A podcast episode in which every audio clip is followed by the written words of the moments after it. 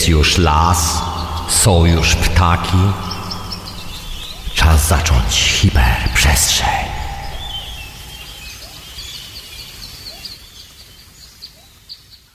To think for yourself and question authority.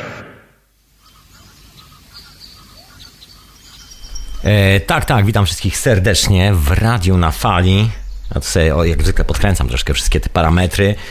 Troszeczkę lasu, bo jak wiadomo, człowiek z lasu, las przyjacielem człowieka. No właśnie, witam wszystkich serdecznie w Radiu na Fali w tą piękną sobotę. Słuchajcie, mam tu naprawdę skwar w Londynie. Miało być dzisiaj deszczowo. W sumie nie było i miło.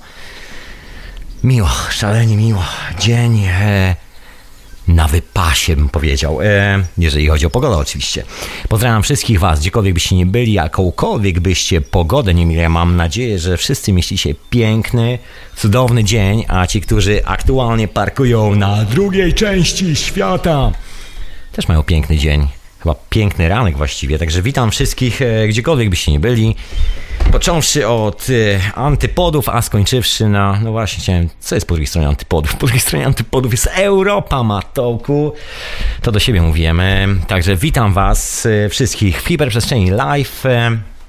E, radionafali.com e, retransmitowane w Radio Paranormalium. Pozdrawiam też wszystkich słuchaczy Radia Paranormalium, poza słuchaczami Radia na Fali jak najbardziej. Ja tu sobie troszkę jeszcze podkręcam, troszkę gałeczki, troszkę w lewo, trochę w prawo. No właśnie, dzisiaj miał być gość, słuchajcie, gość nie dotarł. No tak to bywa z gośćmi, że po prostu czasami nie docierają. No nie ma zimy, nie można utknąć w zaspach, ale można utknąć podczas upałów też gdzieś tam. Także gość, gość utknął.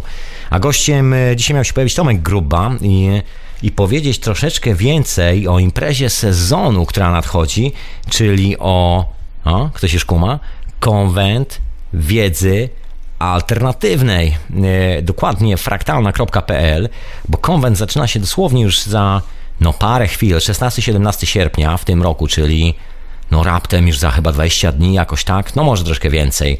Na konwencie będzie troszkę ludzi, e, hmm, będzie trochę prelegentów. Myślę, że część z tych prelegentów znacie, niektórych z nich. Michał Święszek dawno, dawno temu pojawił się w hiperprzestrzeni razem e, z Tomkiem Grubą, także jak się gdzieś tam dokopiecie archiwalnych odcinków, to na pewno go spotkacie. No oczywiście będzie Kuba Babicki, Chyba wszyscy kojarzą, kto to jest. Badacz e, roślin, różnych roślin. E, Co jeszcze? No dużo tego będzie. Będzie Basia, która będzie wydobywała bardzo dziwne dźwięki z takich specjalnych mis. E, Niesamowicie to brzmi. No generalnie będzie troszeczkę. Jeszcze tak właściwie nie rzucałem specjalnie okiem na program prelegentów i wszystkie te historie. No ja jestem troszkę taki leniwy, bo się okazuje, że no niestety nie uda mi się dotrzeć do Trójmiasta. Także e, nie robię sobie zbędnych nadziei, nie czytam prelegentów, kto będzie, kto wystąpi, żeby później nie płakać w poduszkę, nie, nie, nie ocierać łez po prostu z, z tego dramatu, że mnie po prostu tam nie ma, że to tak beze mnie, czy jakoś tak. e. No dobra, moi drodzy, to ja myślę, e, jak zwykle troszkę ogłoszeń na początek, e, no właśnie, no i dzisiaj taka bardzo letnia, myślę, hiperprzestrzeń. Miał być gość, a że gościa nie ma, to jestem skazany troszkę na improwizację. No może nie do końca improwizację, a mam troszkę tematów na dzisiaj, które chciałem poruszyć, ale dzisiaj chciałem tak bardzo letnio, wakacyjnie, mam nadzieję, że wszyscy czujecie się letnio, wakacyjnie, że tak powiem, na wypasie. No i troszkę rock'n'rolla mam dzisiaj dla was. E, Chciałem dzisiaj troszkę się zastanowić przy tej okazji, skoro nie ma gościa, nad, e, no, nad kilkoma sprawami, które się aktualnie dzieją na świecie nie tylko. Troszeczkę wrócić do tematu spisków, e, no to też troszkę historia z tym samolotem i nie tylko. Tak troszeczkę, no i Pichont też e, tam nagrał. Wszyscy, wszyscy chyba tak się zastanawiamy troszeczkę nad tymi samolotami linii malezyjskich, z którymi się dzieją dziwne rzeczy. No ja może nie będę aż tak bardzo precyzyjny i nie będę się zajmował e, tylko i wyłącznie tą sprawą albo tą sprawą po prostu, bo nie jestem ani ekspertem od lotnictwa, ani ekspertem od katastrof, ani ekspertem od rakiet wojskowych, balistycznych, ani o żadnych takich rzeczy. Ale troszkę temat spisków, e, przeplatany mediami, przeplatany zmianami, prze, e, przeplatany wszystkim tym, co się aktualnie dzieje na świecie. Dzisiaj będę chciał poruszyć. Jeżeli chcecie dzwonić, to oczywiście radionafali.com, taki jest e, adres na Skype, jakbyście chcieli się odezwać. Ja bardzo serdecznie zapraszam. Także dzisiaj e, troszkę luzacko. Bym powiedział, bez takiego konkretnego tematu, z konkretnymi datami i yy, nie musicie robić notatek, także możecie odłożyć e, wasze kajeciki. No, nie będzie kartkówki z tego, ani sprawdziano. Czy jakoś tak, dobra. A wysłuchajcie oczywiście hiperprzestrzeni w radiu na fali. Ja na imię Tomek. E, hiperprzestrzeń jest retransmitowana też w radiu Paranormalium. Mam już pierwszego słuchacza. Witam stały słuchaczu. Dzień dobry. Witam serdecznie. Jak sam... Idealnie. Jak samopoczucie? Chcia, chciałem... Yy, ja się spytam, może yy, zacznijmy je tak normalnie. Tylko, jak samopoczucie, stały słuchaczu? Informację, wie pan, że tam, to, co afera wybuchła... Słuchaj, poczekaj, czekaj. Ja się tak zapytam, jak wiesz, jak człowieka słuchaj, jak samopoczucie, jak się czujesz? Bardzo dobrze. Doskonale, dziękuję bardzo. Przepraszam, że tak, ale chciałem tak normalnie zacząć po prostu, bo nie od tak. spraw, tylko po prostu od normalnego przywitania się jak ludzie. Spytanie się, co słychać po prostu. E, dobra, to ja przepraszam, nie przerywam. Słuchaj, wrzucaj, co masz do wrzucenia. E, chciałem wrzucić, bo e, e, wie pan, że tą sprawę o Snowdenie, ujawnienie tych wszystkich urządzeń posługi, posługiwania rok wcześniej przed Snowdenem główna, bo tutaj leci se, serial dokumentalny, już trzeci odcinek. W pierwszym odcinku było, że przed Snowdenem, rok wcześniej dziennikarze w Stanach się dowiedzieli dużej poczytnej gazety, E, tej na pierwszych to, topie liście, tak wyleciała nazwa z głowy. E, i rząd amerykański, czyli władze prezydenckie wybłagały naczelnego tej gazety, żeby nie publikowali informacji o tych systemach podsłuchowych. Dokładnie to, Snowden podał i, i gazeta wszystko to zataiła, włożyła do akt i przez rok nie, i tego nie opublikowała. I dopiero jak Snowden do innej gazety to ujawnił, to oni to wszystko ujawnili po prostu, że, że wszystko o tym wiedzieli, po prostu wstrzymali publikację na rok. To no. wszystko już rok wcześniej wyciekło do, do jednej dużej gazety. No jest wiele informacji, które wyciekają do bardzo wielu gazet. Tak, tak, Problem w tym, że... pokazane e, e, w tym filmie wszystko, co, co tutaj w audyceście mówili dwa miesiące temu, wszystko dokładnie, jeszcze z większymi szczegółami, wywiadami z technikami, e, ze firm, wszystko, to wszystko było, plus więcej informacji, wszystko było w tym filmie w dokumentalne podane, który jeszcze, idzie już trzeci odcinek, dzisiaj oglądają, a wyjdzie jeszcze czwarty. No, to film, to powiem ci, stały słuchaczy, to jeszcze nic. E, teraz powoli wyciekają, nikt za bardzo nie chce tego tłumaczyć, nie chce podnosić dokumenty z Wikileaks, które mówią bardzo ciekawe rzeczy, a o tym może później dzisiaj wspomnę, na marginesie tego wszystkiego. No. E, że ten, gdyby nie wsparcie, jedna firma internetowa się zbuntowała, że tych danych nie ujawniała, nie chciała ujawnić i wygrała w sądzie i nie ujawniła danych, nie podłączyła się do, nie pozwoliła NSA się podłączyć yy, yy, swoich serwerów i wygrała sprawę w sądzie. No, e, takie I wygrała życie, sprawę, w takich czasach. NSA grzecznie wycofało nakaz do podłączenia e, szpiegujących swoich kabelków do, do, do ich systemów e, serwerów, do ich serwerów i grzecznie się wycofali, bo zagrozili, że pójdą do sądu. No NSA i tak podsłuchuje, robi to tr troszeczkę inny sposób nie, nie do spółki razem z Ale oprócz Anglikami. tego mm oni nielegalnie, bo to y, Yahoo czy te inne firmy y, legalnie się po, pozwolili Je, się podłączyć. Słuchaj, ja nie znam ani jednego rządu na świecie, słuchaj, ja nie znam ani jednego rządu na świecie, ani jednych... E... Oprócz tego, co legalnie mm -hmm. się podłączyli, oni nielegalnie się podłączyli... Ale wiesz co, to jest taka... Stały słuchaczu! Stały słuchaczu! Co? E, to, słuchaj, to jest taka zabawa semantyczna, słuchaj, po prostu to, czy to jest legalne, czy nielegalne, wszyscy wiemy, że światem rządzą zbrodniarze, którzy nazywają się politykami. I to jest taka zabawa po prostu semantyczna, czy to jest legalne, czy nielegalne. Wszystko to jest nielegalne, to jest przestępstwo przeciwko ludzkości od początku do końca. E, Także to nie ma nawet żadnej dyskusji, to jest tylko taka zabawa, żebyśmy się troszkę lepiej może poczuli, że ktoś o nas może dba, a może jedna, trochę bardziej. bo tylko w skrócie mówię, że jedna firma, żeby totalnie utrudnić jakby powiedz na lewo się podłączać, zaczęła bardzo mocnymi szyframi szyfrować e, swoje dane w serwerach i oni praktycznie do tych danych nie mieli dostępu bez ich zgody. No, to zosta- firma mhm. postawiła na swoim, e, e, jak było, musieli tak, ta firma tak, tak zrobiła taki numer, musiała być do osoby e, nakaz sądu z pieczątkami, ze wszystkim, a oni chcieli tak sobie latać, co chce po danych i oni zrobili na lewo i się nie podłączali, się dobierali do, między serwerami, bo są serwery rozmieszczone w kraju, to oni te wszystkie dane zaczęli bardzo mocno szyfrować. Słuchaj, e, Po prostu im mhm. u, u, u, prawie uniemożliwili na lewo podłączenie do bez e, pozwolenia sądu. A to jest w Stanach trudno uzyskać oficjalne na, pos, na podsłuchiwanie. No prawda jest bardzo brutalna i brzmi tak. NSA i tak to się nazywa sniffowanie, czyli ściąganie wszelkich informacji, wszystkich możliwych kabli. Urządzenie się montuje na kablu, a No ja wiem o tym, o, nie o, właśnie na o tym komputerze. urządzeniu było po, powiedziane, y, o tym podłączeniu tego, tego urządzenia, ale oni zrobili, y, ta firma zrobiła coś takiego, że to takie ściąganie na lewo informacji jest, y, y, nic to im nie da, nic im to nie dało. No jest tak jeden protokół. w taki sposób, że, im, Mhm. że bez ich zgody na lewo podłączenie się do kabla nic im nie da, nic im nie da. Nie odzyskają tych danych. Ale no, Taki ja, myśl, ja myślę, że... że po Mhm. prostu na lewo się bez ich zgody się nie podłączą na lewo do ich kabli. No, i bardzo dobrze, i bardzo dobrze. Niech ktoś przynajmniej zachowa jakąś, yy, przynajmniej, nie wiem, margines prywatności. y, y, zrobiła im pokoik i po prostu to urządzenie do s- y, ściągania ruchu musieli, sama się zgodziła i, i, i to potem ujawnił pracownik. Fizycznie, żeby zamontować urządzenie w serwerowni musiała być zgoda firmy. Bo to urządzenie gdzieś musi stać. No ale jaki jest tego sens i jaki jest tego morał, drogi No stały właśnie o słuchaczu? to chodzi, że to wyła, wyła, wyłazić, wyłazi po prostu na, wierzch.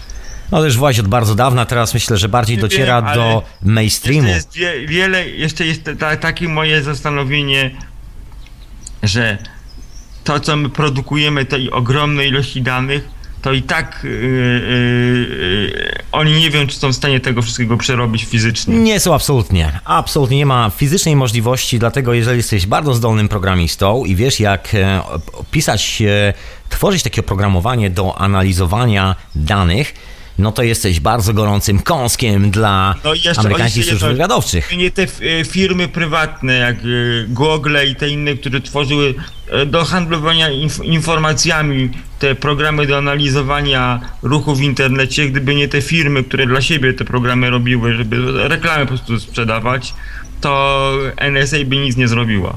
Bo oni szkielet całego, tego systemu i tych programów do analizy tych danych tak jakby sztucznej inteligencji, to oni ją stworzyli e, do, do reklam. Oni tylko przystosowali, żeby to szpiegowało ludzi, pod względem szpiegowania ludzi, a nie e, komu sprzedać pralkę. No to się zaczęło na początku lat 90. nazywało tak, się tak, e, tak, ICQ, to był tak zwany IRC, e, takie oprogramowanie napisane w Izraelu, które od początku było faworyzowane w taki e, dziwny sposób, bym powiedział, tylnymi drzwiami przez CIA i praktycznie wszystko, co pisałem na IRC-u razem ze swoimi przyjaciółmi na samym po 95, 6, 7 rok, jak się pojawił internet, taki już komercyjny, wszystko to było ściągane, pilnowane, kontrolowane od samego początku. Zawsze są zakusy na naszą wolność. E, Wiem, wiem, Dokładnie. zakusy. Cały Rządy czas nieustannie. zakusy, Banda psychopatów nie czuwa. Banda Jakby to tylko psychopatów. służyło do łapania tych złych ludzi, którzy chcą nam zrobić krzywdę, to pół biedy. Słuchajcie, na żadnym A nie do lotnisku na świecie Z oponentami politycznymi. nie złapano ani jednego terrorysty za pomocą tych wszystkich bramek i tych wszystkich rzeczy. Nie złapano nikogo. Męczyć tylko biednych ludzi. No ale to już zostawmy. Tak. Bo to nie ma co się z tym e, kopać po prostu. No Ten tak kolejny jest. odcinek, e, tak e, tylko informuję za tydzień i szukać powtórek, to TVB, TVN Business 2024. E, za tydzień będzie o 16 ostatnia część. Dziękuję bardzo za informację. Mhm. Dzięki za informację. Dzięki wielkie za telefonik. To się rozłączam i Mhm. słucham audycji. Dzięki wielkie. To był stały słuchacz. Słuchajcie, jak chcecie się zadzwonić dzisiaj, to zapraszam bardzo. Ja mam troszkę garść takich informacji z cyklu, co się pojawiło trochę w Radiu na Fali. Myślę, że część z Was y, zainteresuje. Myślę, że nie, jeżeli już nie łazicie po stronie Radia na Fali, po naszym Facebooku, po naszym Twitterze, no to możecie nie wiedzieć. No, no to wam powiem. Słuchajcie, jest e, świetny materiał, e, przynajmniej dla mnie świetny, jako użytkownika, na temat biorezonansu. Jest e, to rozmowa z Janem Taratajcio, już wideo, oczywiście oprócz tego, co było w syntezie, jest tak zwany suplement wideo do syntezy. Ja tu czapkę z głów, pokłony do, do kolan w kierunku Pichonta ślę, gdyż jest to człowiek, który to poskładał, zmontował. Tą moją amatorkę, bo ja tak się szamotałem z tą kamerą trochę, no to była moja premiera. E, Pierwszy raz coś takiego robiłem, że stałem i kręciłem. No i tak nakręciłem, że to strasznie wyglądało, ale gdyby nie Pichont, to by w ogóle nie wyglądało. Także Peace and love. E, dzięki wielkie za zmontowanie, a Was zapraszam, jak będziecie jutro przed obiadem, albo jakoś tak. No nie teraz, teraz to posłuchajcie hiperprzestrzeni i zadzwońcie może.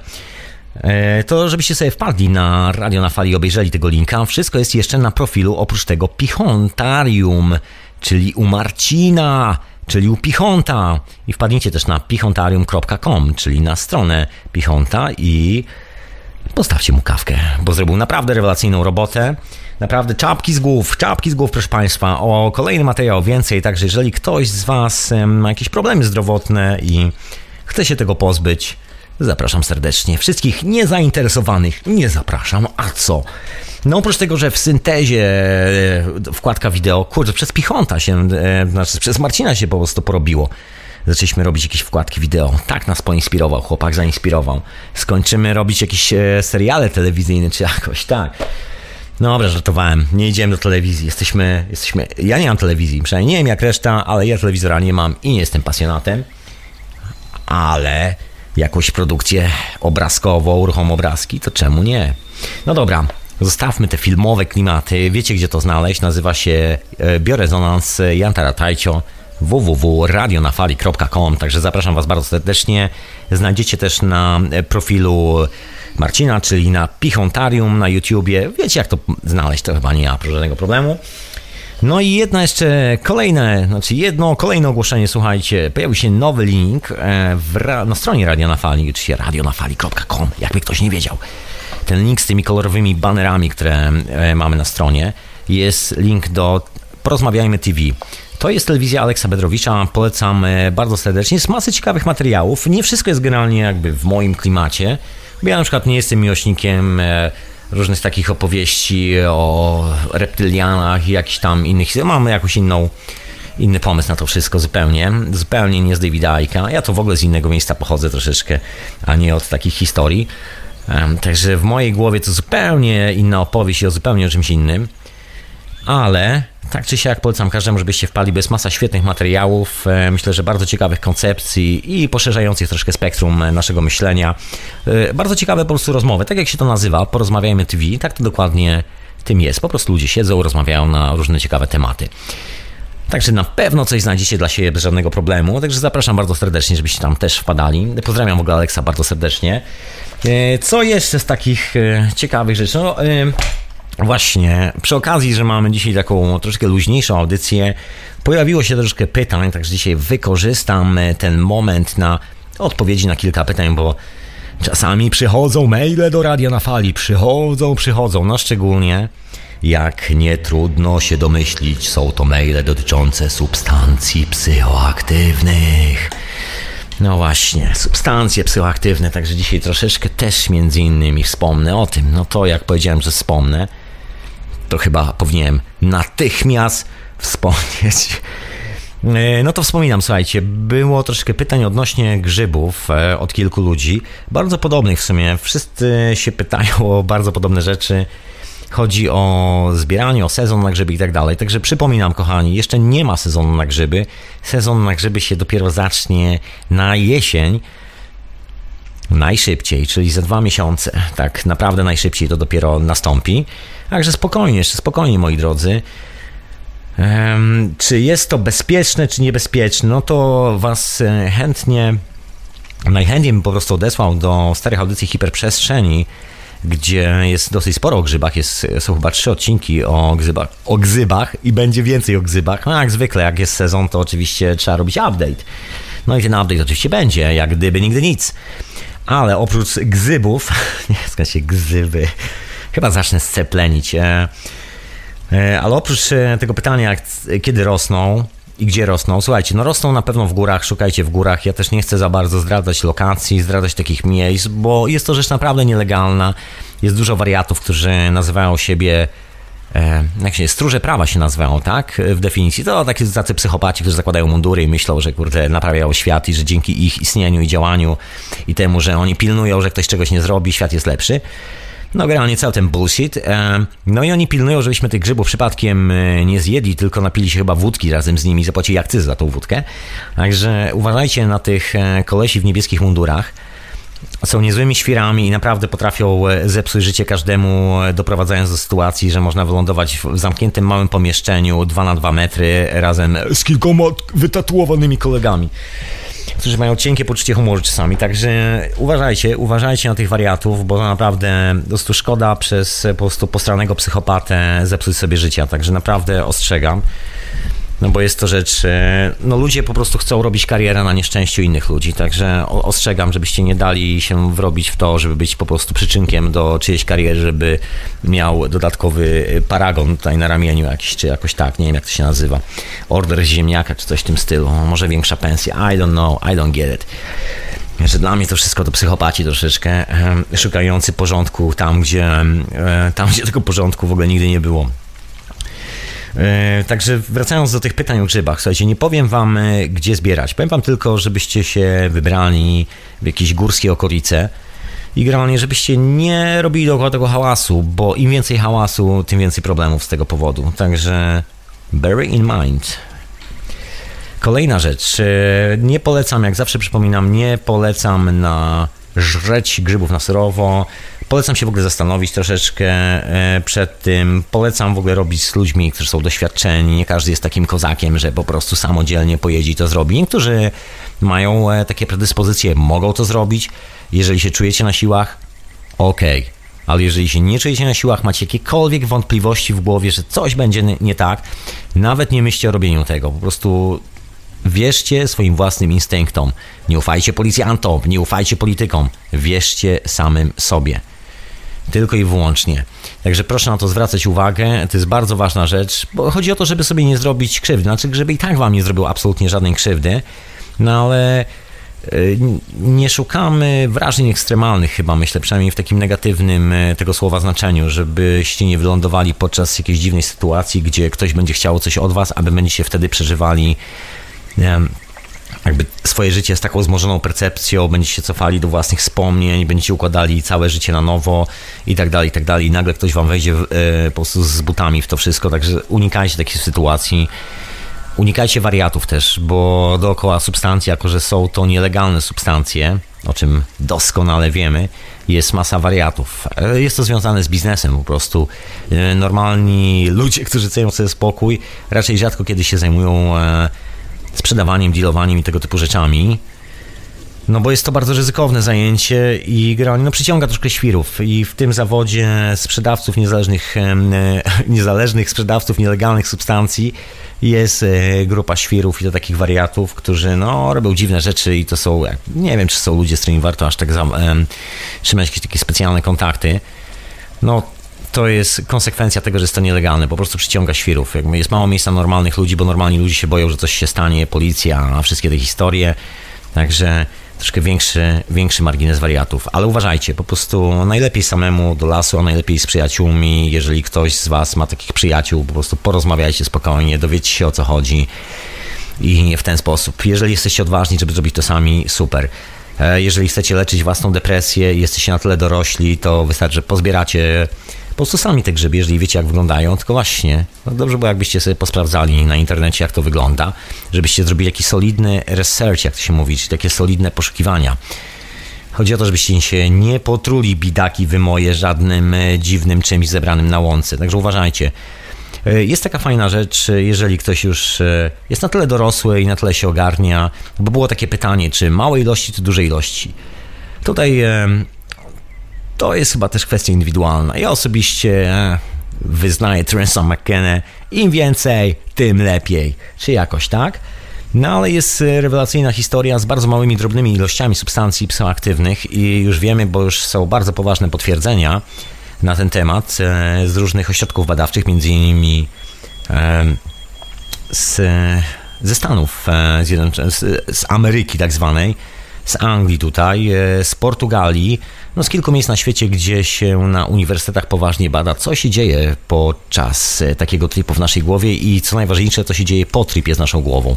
No, okazuje się, że wszelkie problemy z e, po prostu z nami samymi, nasze psychiczne problemy po prostu znikają. To troszkę jak z ayahuaską. E, było wiele pytań, znaczy wiele pytań, no było troszkę na temat ayahuaski i czym to się różni od grzybów, czym się różni kwas od grzybów.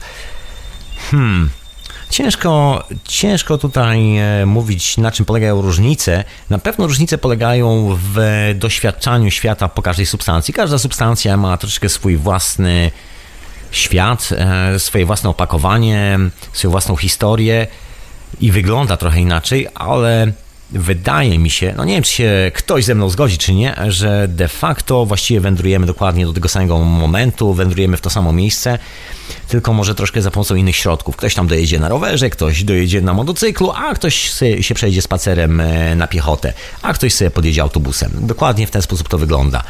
Także widok z każdego tego, e, tego pojazdu jest po prostu troszeczkę inny. I to jest właśnie ta różnica specyfiki owych substancji. Ja bym śmiał twierdzić, że jeżeli ktoś mieszka w Polsce e, albo w jakimś miejscu, gdzie są po prostu grzyby, e, a się zastanawia strasznie nad ayahuaską, bo ayahuasca jest teraz takim bardzo topową, e, takim bardzo topowym tematem, bardzo popularnym. Zresztą słuchajcie, zapraszam Was do Pichontarium. Jest genialny wywiad trzyczęściowy na temat właśnie ayahuaski. Jest to relacja z pierwszej ręki osoby, która pojechała E, w Ameryki Południowej i zrobiła po prostu ayahuaskę i całe bite trzy odcinki są dokładnie o tym, także zapraszam Was, żebyście sobie wpadli do Radia na Fali i ściągnęli Pichontarium o, prosto od Marcina. Możecie z pichontarium.com. Anyway. E, świetna rzecz, po prostu świetna rzecz. Ale wracając do tematu, słuchajcie, grzyby są dosłownie takim samym odpowiednikiem e, w tak zwanej polskiej strefie klimatycznej. Indianie mają ayahuaskę, ludzie w Polsce powinni zwrócić się do grzybów, bo rośnie na miejscu i to jest dokładnie, no, różni się troszeczkę, różni, ale właściwie nie za bardzo bym powiedział. Tak mi się wydaje. Oczywiście ta podróż jest troszeczkę inna, no ale hmm, refleksje są, moi drodzy, dokładnie te same. I chciałem tutaj poruszyć, e, bo skoro wspomniałem o tych uniwersytetach i ośrodkach badawczych, które zajmują się badaniem właśnie psylocybiny i oddziaływaniem na nasz mózg, no jest taki fenomen, że bardzo małe dawki psylocybiny e, bardzo bardzo fajnie wzmacniają nas e, od strony, no nie wiem jak powiedzieć, bo tak mówię, mówię, że nas wzmacniają, tak troszkę dziwnie brzmi. Właśnie, jak to powiedzieć, żeby dobrze brzmiało? No nie wiem, czy... No, wzmacnianie to chyba najlepsze słowo, moi drodzy. Chodzi o to, że po prostu, jeżeli mamy jakiekolwiek, e, no, lekkie stresy, jakieś takie problemy, dzieje się dużo spraw dookoła i potrzebujemy troszkę wytchnienia, żeby to wszystko okiełznać w swojej własnej głowie, no to jest fenomenalna historia. Wystarczy bardzo mała ilość, taka ilość, e, której właściwie nawet nie czujemy, że cokolwiek w nas jest, że wrzuciliśmy przysłowiowe grzyby, dosłownie takie bardzo niewielkie ilości, które nawet nie wywołują żadnych specjalnych efektów, żebyśmy mieli przestrojone kolory albo, albo coś, e, coś innego. No i te takie bardzo drobne ilości są po prostu rewelacyjne na wszelkie sprawy związane mm, no, z takim przeżywaniem stresu po prostu, z jakimś e, stresem półrazowym, który właściwie dotyka nas na co dzień. To się tak mówi, że stres półrazowy dotyczy tylko żołnierzy, dotyczy tylko jakichś tam ekstremalnych sytuacji.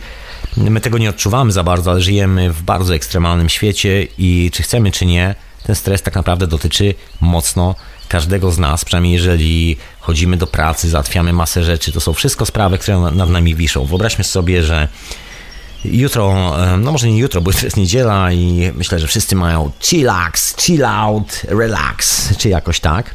I się byczycie i relaksujecie i bardzo dobrze. A w poniedziałek do roboty, do tyry, czy jakoś tak. No to gdybyśmy wstali w ten poniedziałek i nigdzie nie poszli, nic nie zrobili, niczego nie ogarnęli tak przez y, kolejny kawałek czasu, to by się okazało, że być może wpadlibyśmy troszkę lekkiego stresa, bo bo jesteśmy uwiązani do tego systemu w jakiś tam sposób i no, musimy z nim dealować najzwyczajniej w świecie. No i to dealowanie z tym systemem no nie jest y, przyjemne, bo kiedy człowiek na przykład chce się wyspać, musi wstać o 8 rano i na przykład taka zwykła, banalna sprawa jak deprawacja snu, której właściwie podlega praktycznie 80% pracującego społeczeństwa, bo y, ludzki mózg jest tak skonstruowany, że nie ma standardu snu. Nam się oczywiście opowiada w różnych gazetach, różni dziennikarze piszą tak zwane kaczki dziennikarskie, że 8 godzin snu odtąd dotąd, amerykańscy naukowcy zbadali, tu coś tam. W, e, w rzeczywistości jest to ekstremalny bullshit, bo każdy mózg ma indywidualny pattern snu. Jedyne co wiemy na ten temat, przynajmniej jak możemy się domyślić na podstawie takich bardzo szczątkowych badań, bo po prostu mózgu za bardzo nie da się zbadać, bo właściwie nie wiadomo jak, nie wiadomo w którą stronę i jak to robić. Można tylko wyłączać, ewentualnie uszkadzać ludzki mózg i patrzeć, co się dzieje z ciałem. Jedyna metoda badawcza. Ale nie wiemy, co tam się dzieje. Po prostu wiemy tylko, yy, jak możemy uszkodzić ludzki mózg? Właściwie chyba tylko to. No, czasami coś tam dołożyć do niego, ale to też za bardzo nie wiemy, na jakiej zasadzie to wszystko działa. No i, no i generalnie dealując w ten sposób yy, życie, właściwie każdy, pa, każdy mózg ma bardzo indywidualny pattern, jeżeli chodzi o zasypianie, o potrzebę, o ilość po prostu godzin snów, która jest potrzebna, żeby się zregenerować. Nie ma dwóch takich samych ludzi na świecie, dlatego niektórzy ludzie wolą wieczorami, niektórzy w nocy, niektórzy nad ranem, niektórzy po południu. To jest tak indywidualne i tego się po prostu nie da sprasować do jednego mianownika. To jest tak jak linie papilarne. Każdy ma swoje indywidualne i dokładnie tak samo jak z paternem snu. No ale w tej cywilizacji pracując, zdrowa część z nas musi wstać na równo którąś tam godzinę i razem z tłumem e, ruszyć w kierunku biur, e, pracowni, przedsiębiorstw, fabryk, gdziekolwiek byśmy nie ruszali. No i zaczyna się deprawacja snu, bo wszyscy po prostu musimy wstawać od ósmej do którejś tam, czy jakoś tak. Jest taka historia. No i generalnie jest to taki przyczynek troszeczkę do też tego stresu urazowe, e, półurazowego, no bo człowiek niewyspany jest zmęczony, wiadomo, że stres się o wiele łatwiej klei do głowy, człowiek zaczyna się bardziej przejmować rzeczami dookoła, no bo one są bardzo intensywne. Okazuje się, że intensywność naszego świata, chociażby z tego powodu, że dookoła mamy masę mediów masowego rażenia, które nam mówią, jak bardzo powinniśmy się jak mocno zaangażować w tą rzeczywistość. Kupić to, kupić tamto, pójść tam, obejrzeć to, posłuchać tego, tamtego. Nie ma miejsca na nasze własne życie. Jak nie ma miejsca na własne życie, nie ma miejsca na własną refleksję. Jak nie ma miejsca na własną refleksję, zaczyna się stres, bo nie mamy czasu, żeby przerobić wszystkie nasze doświadczenia i właściwie nie wiemy, jak nawet reagować na te wszystkie rzeczy i robi się troszkę nerwowo. No i grzyby, słuchajcie, mają, e, tak samo jak LSD, mają e, tą fenomenalną cechę, że bardzo drobna ilość, taka dosłownie, jeżeli wysuszycie, to jest odrobina pyłu, e, w takich sekwencjach, no nie wiem, raz na trzy dni, raz na dwa dni, tak dosłownie odrobina. No, gdyby przeliczyć na grzyby, to może by było po 15, po 10 suszonych grzybów, tak malutko. Wy, wymieszane, znaczy w, nie, nie no można je wymieszać na przykład z sokiem e, cytrynowym. Witamina C jest bardzo tego, bardzo pomaga się propagować substancji w naszym ciele. Bardzo, bardzo wygodne. E, no i wystarczy takie drobne, drobne dawki suszonych grzybów i tylko, że regularnie trzeba zrobić ileś tam sesji pod rząd. E, no najlepszy jest miesiąc albo coś takiego. To musi po prostu trwać, to jest wszystko proces i troszkę wracamy do normy. Mózg zaczyna normalnie funkcjonować, przy czym oczywiście odbywa się to jak ktoś nie lubi, bez tripów, bez halucynacji, bez e, wizji, bez wszystkich tych niesamowitych stanów, które ja akurat osobiście bardzo sobie cenię, bo informacja, która stamtąd przychodzi, jest bardzo mocna, jest bardzo intensywna, jest bardzo konkretna. Taka, no, solidna, bym powiedział, solidna. Można się czegoś sobie dowiedzieć bardzo konkretnie i taka e, przełamująca. Ja lubię generalnie, e, że tak powiem, skraszować własne ego, także mam taką tendencję. No ale te drobne ilości bardzo polecam. E, słuchajcie, sam miałem ostatnio trochę bardzo poważnych, znaczy jak dla mnie po prostu, bo to oczywiście każdy ma stres na swoją miarę. No miałem troszkę stresujących sytuacji i stwierdziłem, że nie będę kopał się z koniem. Sięgam po LSD i elegancko po prostu takie bardzo małe progowe ilości, dokładnie tak jak e, każą w eksperymentach jeszcze z, latach, z lat 60., takie bardzo drobne, małe ilości raz na jakiś czas, także właściwie nic nie czuć nawet, że w ogóle coś jest w organizmie. W organizmie wszystko funkcjonuje ok, jest naprawdę ok i po prostu rewelacyjnie się śpi, człowiek wstaje rano już po prostu ten stres schodzi, jakby przestaje być e, taki wiążący w naszej głowie, przestaje nas e, determinować. Rewelacja. Także e, polecam, działa absolutnie. Właśnie sprawdziłem w ostatnich tygodniach, działa. Troszkę się zrelaksowałem dzięki temu i ogarnąłem w swojej własnej głowie po tych wszystkich historiach, które mi się wydarzyły. A tu już mam telefon. Witam panie Krawcze. Halo, halo. Dobry wieczór. Dobry, Dobry wieczór. wieczór panu. Dobry wieczór panu. Jak zdrówko szanownemu panu? Zdrówko? Dobrze. Coś mi jakaś wysypka dziwna wyskoczyła. Jeśli już cię tak to interesuje, mapecie. No. Mam powiedzieć, gdzie ta wysypka?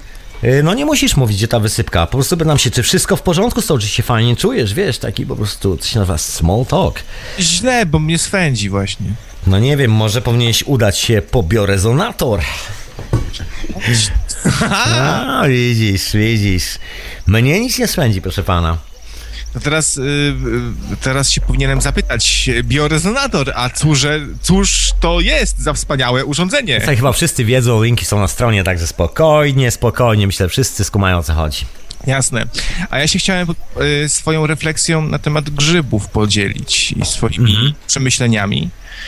Y, wydaje mi się, że tak teraz sobie przed chwilą pomyślałem, że być może te wszystkie substancje psychoaktywne, które nam natura daje, to to są takie odpowiedniki antywirusów, czy jakiejś na przykład defragmentacji y, na komputerze, prawda? Czyli tych wszystkich operacji, które porządkują dane, które usuwają też nie, niekorzystne rzeczy niechciane, bo w naszych głowach y, może powstawać coś takiego jak właśnie jakiś taki zły mem, y, który nas dręczy, jakaś myśl uporczywa. A stan po grzybach odbieram też jako taką y, spowiedź przed samym sobą. To jest taka, bo my na co dzień wbrew pozorom dość chyba często sami siebie oszukujemy. No to zależy oczywiście od, od y, człowieka, ale bywają takie osoby, które siebie oszukują dosyć często, praktycznie cały czas. No jest to strasznie łatwe, powiem Ci szczerze. No też e, spędziłem kawałek w życiu oszukując się nie raz, nie dwa. No teraz staram się tego unikać, jak tylko mogę. Po prostu nie robię tego. Staram się, no nawet tyle staram, tylko po prostu tego nie robię, bo no boję się takiej sytuacji, bo wiesz, wiem, gdzie to prowadzi. Może właśnie doświadczenia z substancjami cię tego w jakiś sposób y, nauczyły lub skłoniły, nie? No na, na pewno, słuchaj, jest taka rzecz, że gdybym nie był e, tak, że tak powiem, skonsolidowany, szczery ze sobą, to obawiam się, że takie mocne tripy, naprawdę mocne tripy by mnie po prostu zmiażdżyły. W sensie naprawdę nie byłoby to miłe, wiesz, e, byłoby to daleko od e, jakiegokolwiek miłego, czegokolwiek. I chyba nawet bym się bał robić takich rzeczy, no bo wiesz, no miałbym taki ewidentny strach w sobie, że ha, ha, ha, a za chwilę zobaczę sam siebie w lustrze, oj, to może nie, to może nie. Wiesz, dużo ludzi tak ma. Boimy się widzieć siebie sami w lustrze troszeczkę. Boimy się, boimy. Rozmawiam czasami y, z ludźmi o tym i przyznają się sami do, do, tego. Zresztą to widać gołym okiem. Każdy, każdy ma w głowie takie mechanizmy jak racjonalizacja y, przed sobą samym jakiegoś czynu naszego, że zrobiliśmy coś, no bo musieliśmy, bo taki jest na przykład świat, albo coś, bo inni tak robią. I cały czas działają te mechanizmy, które spychają jakąś tam odpowiedzialność z naszej głowy gdzieś w głąb, albo z kolei może inne mechanizmy, które pomagają nam sobie radzić z jakimiś procesami, które w tej, w tej, w tej głowie.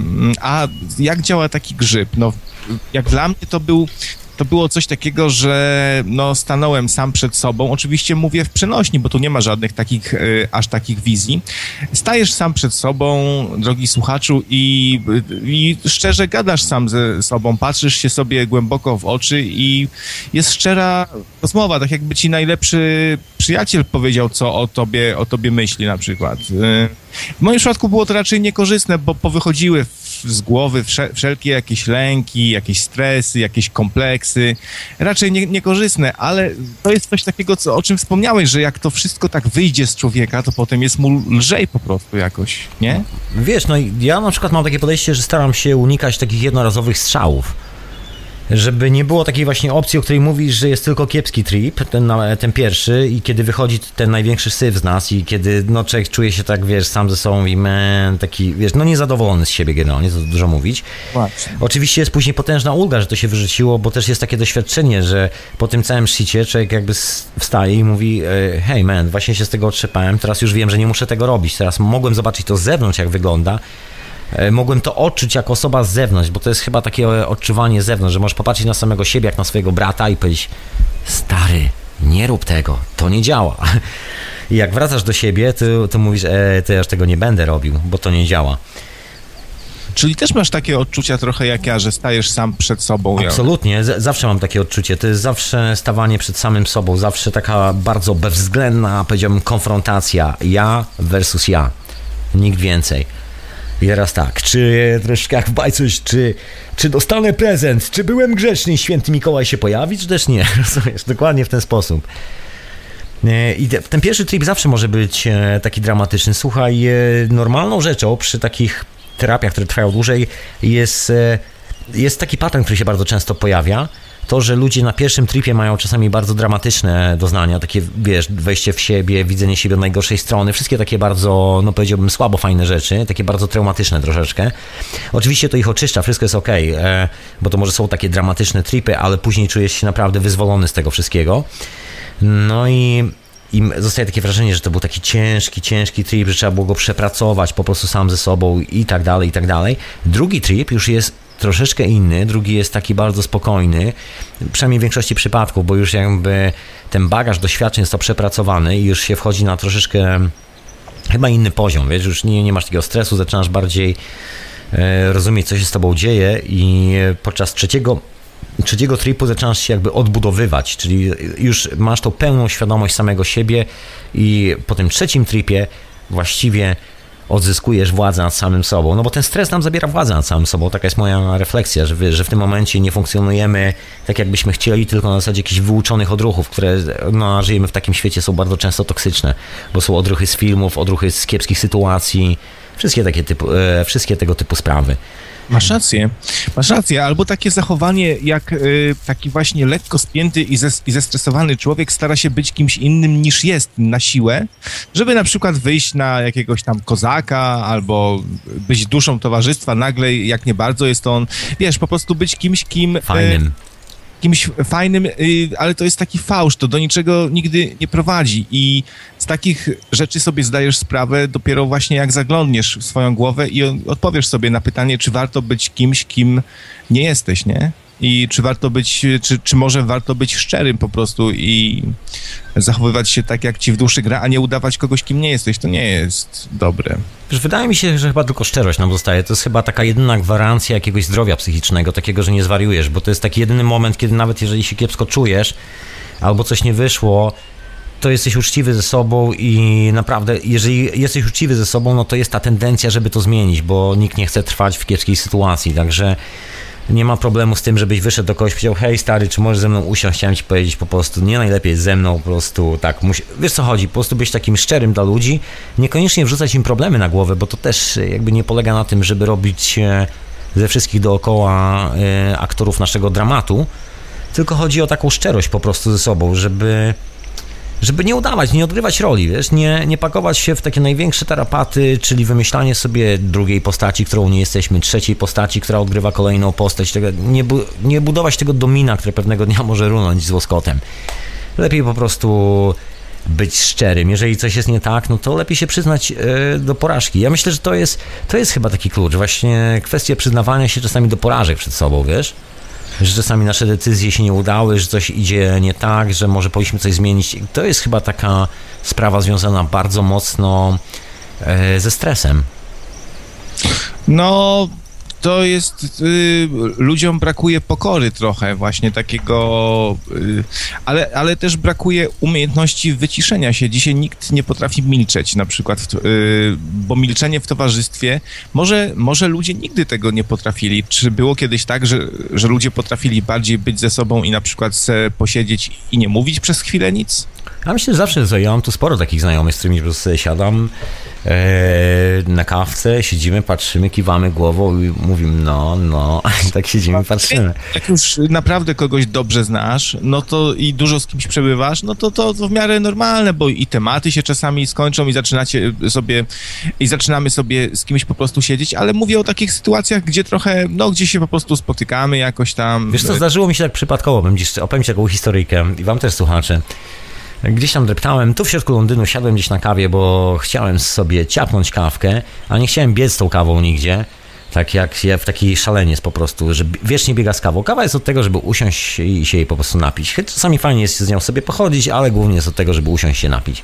Hmm. jak sobie siadłem w jakiejś knajpce, to było lato, po jakiś czas temu, nie wiem, parę lat temu, gdzieś na West Endzie, siadłem, zamówiłem sobie kawkę, piję sobie kawkę, a że był taki troszkę tłok, bo to już taka godzina, że dużo ludzi się schodzi, wychodzi sobie do pubów. Jakiś kolega, jakiś koleś usiadł obok mnie, chyba starszy o 20 lat, jakoś tak, już taki siwiący pan. Tak usiedliśmy, on ze swoją, mówią, e, cze, e, cześć, co słychać? A, good, good, nice, wiesz, taka po prostu small talk, że jest miło i tak, wiesz, każdy ze swoją kawką, czy, czy jakoś tak. Tak sobie siedzieliśmy, oglądaliśmy, sobie ulicę, jak ludzie sobie przechodzą obok. Tak e, chyba wspomniałem, tak, tak kiwnąłem w jego kierunku głowy, to powiedziałem nice. On tak się patrzy, yeah, yeah, yeah, really nice. I tak sobie posiedzieliśmy przez e, chyba 20 minut, się nic nie mówiąc. E, I jak odchodziłem, to, to tak sobie powiedzieliśmy, e, tak thank you, thank, thank you, bye. Tak no miło było, tak, tak się zdarza. Tak, ja myślę, że to jest kwestia nastawienia, wiesz, że, że możemy takie sytuacje prowokować sami. To nawet nie jest kwestia, że wiesz, czy one się dzieją, czy nie, bo, bo to jest taka kolejna, nie wiem, wydaje mi się, nie wiem, informacja, taki dodatek, wiesz, że po prostu samemu można to robić, że niekoniecznie trzeba się opierać na tym, że ona się sama wytworzy. A ja witam tu Pichonta, czyli Marcina. Witam panie Marcinie, jak zdrówko szanownemu panu? Dzień dobry, dziękuję. Siedzę i przeganiam ślimaki tutaj w Och, drzwiach. Rozumiem, zawsze za tobą Spoglądam na nie trochę tak, wiesz, ze ślinką kapiącą z kącika ust, ale Oliwa stoi w szafce, patelnia schowana na dole, no. marynaty w szafie. A ty jak się tam czujesz, Tomku? E, Ty? Doskonale ci Jeden. powiem. Dobrze, tak? No humorek Doskie. ci chyba dopisuje. Absolutnie piękny dzień dzisiaj, troszkę pracy, ale naprawdę fascynujący dzień. Po prostu pięknie, miło, miły wieczór, obiad w ogrodzie, także naprawdę fantastycznie. A, a, a kolega Krawiec, jak się ma? Poza E, wysypką. Już dobrze. Dobrze, dziękuję. A Wszyscy ty? wiedzą. Ty? A ja, a ja dziękuję, siedzę w drzwiach, przeganiam ślimaki. Standard. A one ci uciekają, tak? Myk, one, one za nim chodzą, nie. one za nim chodzą. To jest taki człowiek, który przyciąga zwierzęta. Ja to widziałem. One do mnie tu y, się płażą. Tak bym to ujął. Zwierzęcy, zwierzęcy magnetyzm. Dokładnie. Tak. Słuchajcie panowie, bo tak była mowa o szczerości. Czy, Mhm. czy widzieliście taki film e, Historia jednego kłamstwa? Nie. To jest film, który przedstawia taki świat, y, alternatywną rzeczywistość, tak jakby, w której nikt nie potrafi kłamać. Wszyscy są ze sobą na maksa szczerzy i mówią sobie wszystko, co myślą o, o sobie. Nie potrafią też po- podać fa- fałszywej informacji. No jak na przykład y, jakiś gość się idzie, idzie na randkę z klientką, to ona mu na koniec mu mówi, e, przepraszam cię, ale myślę, że jesteś nieatrakcyjny seksualnie, a poza tym boję się, że nasze dzieci byłyby takie grube jak ty i miały perkate nosy, więc nic z tego. No i tak, i rozmawiają tak ze sobą. Też na przykład reklamy są prawdziwe, w, y, nikt, nikt w, re, w reklamach nie e, kłamie i Coca-Cola się, się reklamuje mniej więcej... y, Woda z, woda z cukrem, e, bardzo niezdrowa, e, ale znana. Wszyscy ją znacie. Najbardziej znany napój na świecie. No coś w, w tym stylu. A Pepsi na przykład się reklamuje, kiedy skończy się Coca-Cola. to, to wtedy Pepsi kup. No i taki świat. Tak, I a wiesz co, nie Taka, mhm. taka patologia trochę właśnie, jak wszyscy sobie mówią. E, Właśnie- Nie może być tak całkiem... całkiem e, A ja myślę, że można. Myślę, że ten film jest po prostu jak, znaczy nie, nie to, wiesz, może jest to fajny film i tak dalej, jakby rozumiem, że ktoś go może, że go lubisz i tak dalej. Nie chciałem tego deprecjonować, absolutnie. Ale po prostu to jest taki dla mnie takie hollywoodzkie gówno, za przeproszeniem, które nie ma nic wspólnego z rzeczywistością. Taki scenariusz wymyślony przez producentów, e, żeby firma ubezpieczeniowa nie miała problemów e, z ubezpieczeniem filmu. I taka historia. Bo w rzeczywistości, jakbyśmy nie kłamali, to myślę, że, że ten szok trwałby może pierwszy tydzień. To wszystko. I nagle wszyscy by odczuli wielką ulgę. Pomimo mówienia, mówieniu sobie czasami nieprzyjemnej prawdy, nagle wszyscy poczuli wielką ulgę i myślę, że świat bardzo szybko by znormalniał. Dosłownie w przeciągu trzech dni, kiedy ludzie byliby zmuszeni skonfrontować po, e, rzeczywistość, bo to nie jest kwestia mówienia prawdy, bo to jest jakby drugorzędna rzecz, tylko kwestia tego, co mamy w głowie i nagle byśmy być może zwrócili troszkę większą uwagę na to, czy naprawdę musimy myśleć o świecie w kiepski sposób i o innych ludziach w kiepski sposób. Może ten grip, może ten uchwyt na rzeczywistość powinien być zupełnie inny, może powinniśmy dać e, światu dookoła szansę, a nie, a nie tak jak niektórzy z Hollywood po prostu projektują rzeczywistość, bo według nich każdy z nas ma nasrane w głowie. Według tego producenta, co, rozumiesz? Co? Mhm. Ja na przykład, ja na przykład jestem z natury szczerym człowiekiem. Du, dużo mówię otwarcie. E, Prawda, potwierdzam. wiesz, sta- staram się, staram się nie kłamać. No, umiem oczywiście kłamać i, wy, i, i jak będę musiał, to skłamię, ale raczej w takich, wiesz, celach, no nie wiem, powiedziałbym takich, kiedy to kłamstwo jest konieczne. Ugotowałaś, kochanie, bardzo dobry obiad. Tak. O, no, no nie, właśnie nie. Właśnie tego nie robię. No i właśnie chciałem powiedzieć o tym, co się dzieje wtedy, kiedy człowiek jest taki szczery. E, to się spotyka generalnie z taką reakcją, że no wiesz, nie musisz być taki szczery aż do bólu, wiesz, no nie musiałeś tego mówić. E, lu- Ludzie niekoniecznie chcą znać prawdę. Wiesz, to jest tak, że mm, ja, ja nie mówię tutaj o, o sytuacjach, gdzie ja na przykład jestem cyniczny czy uszczypliwy.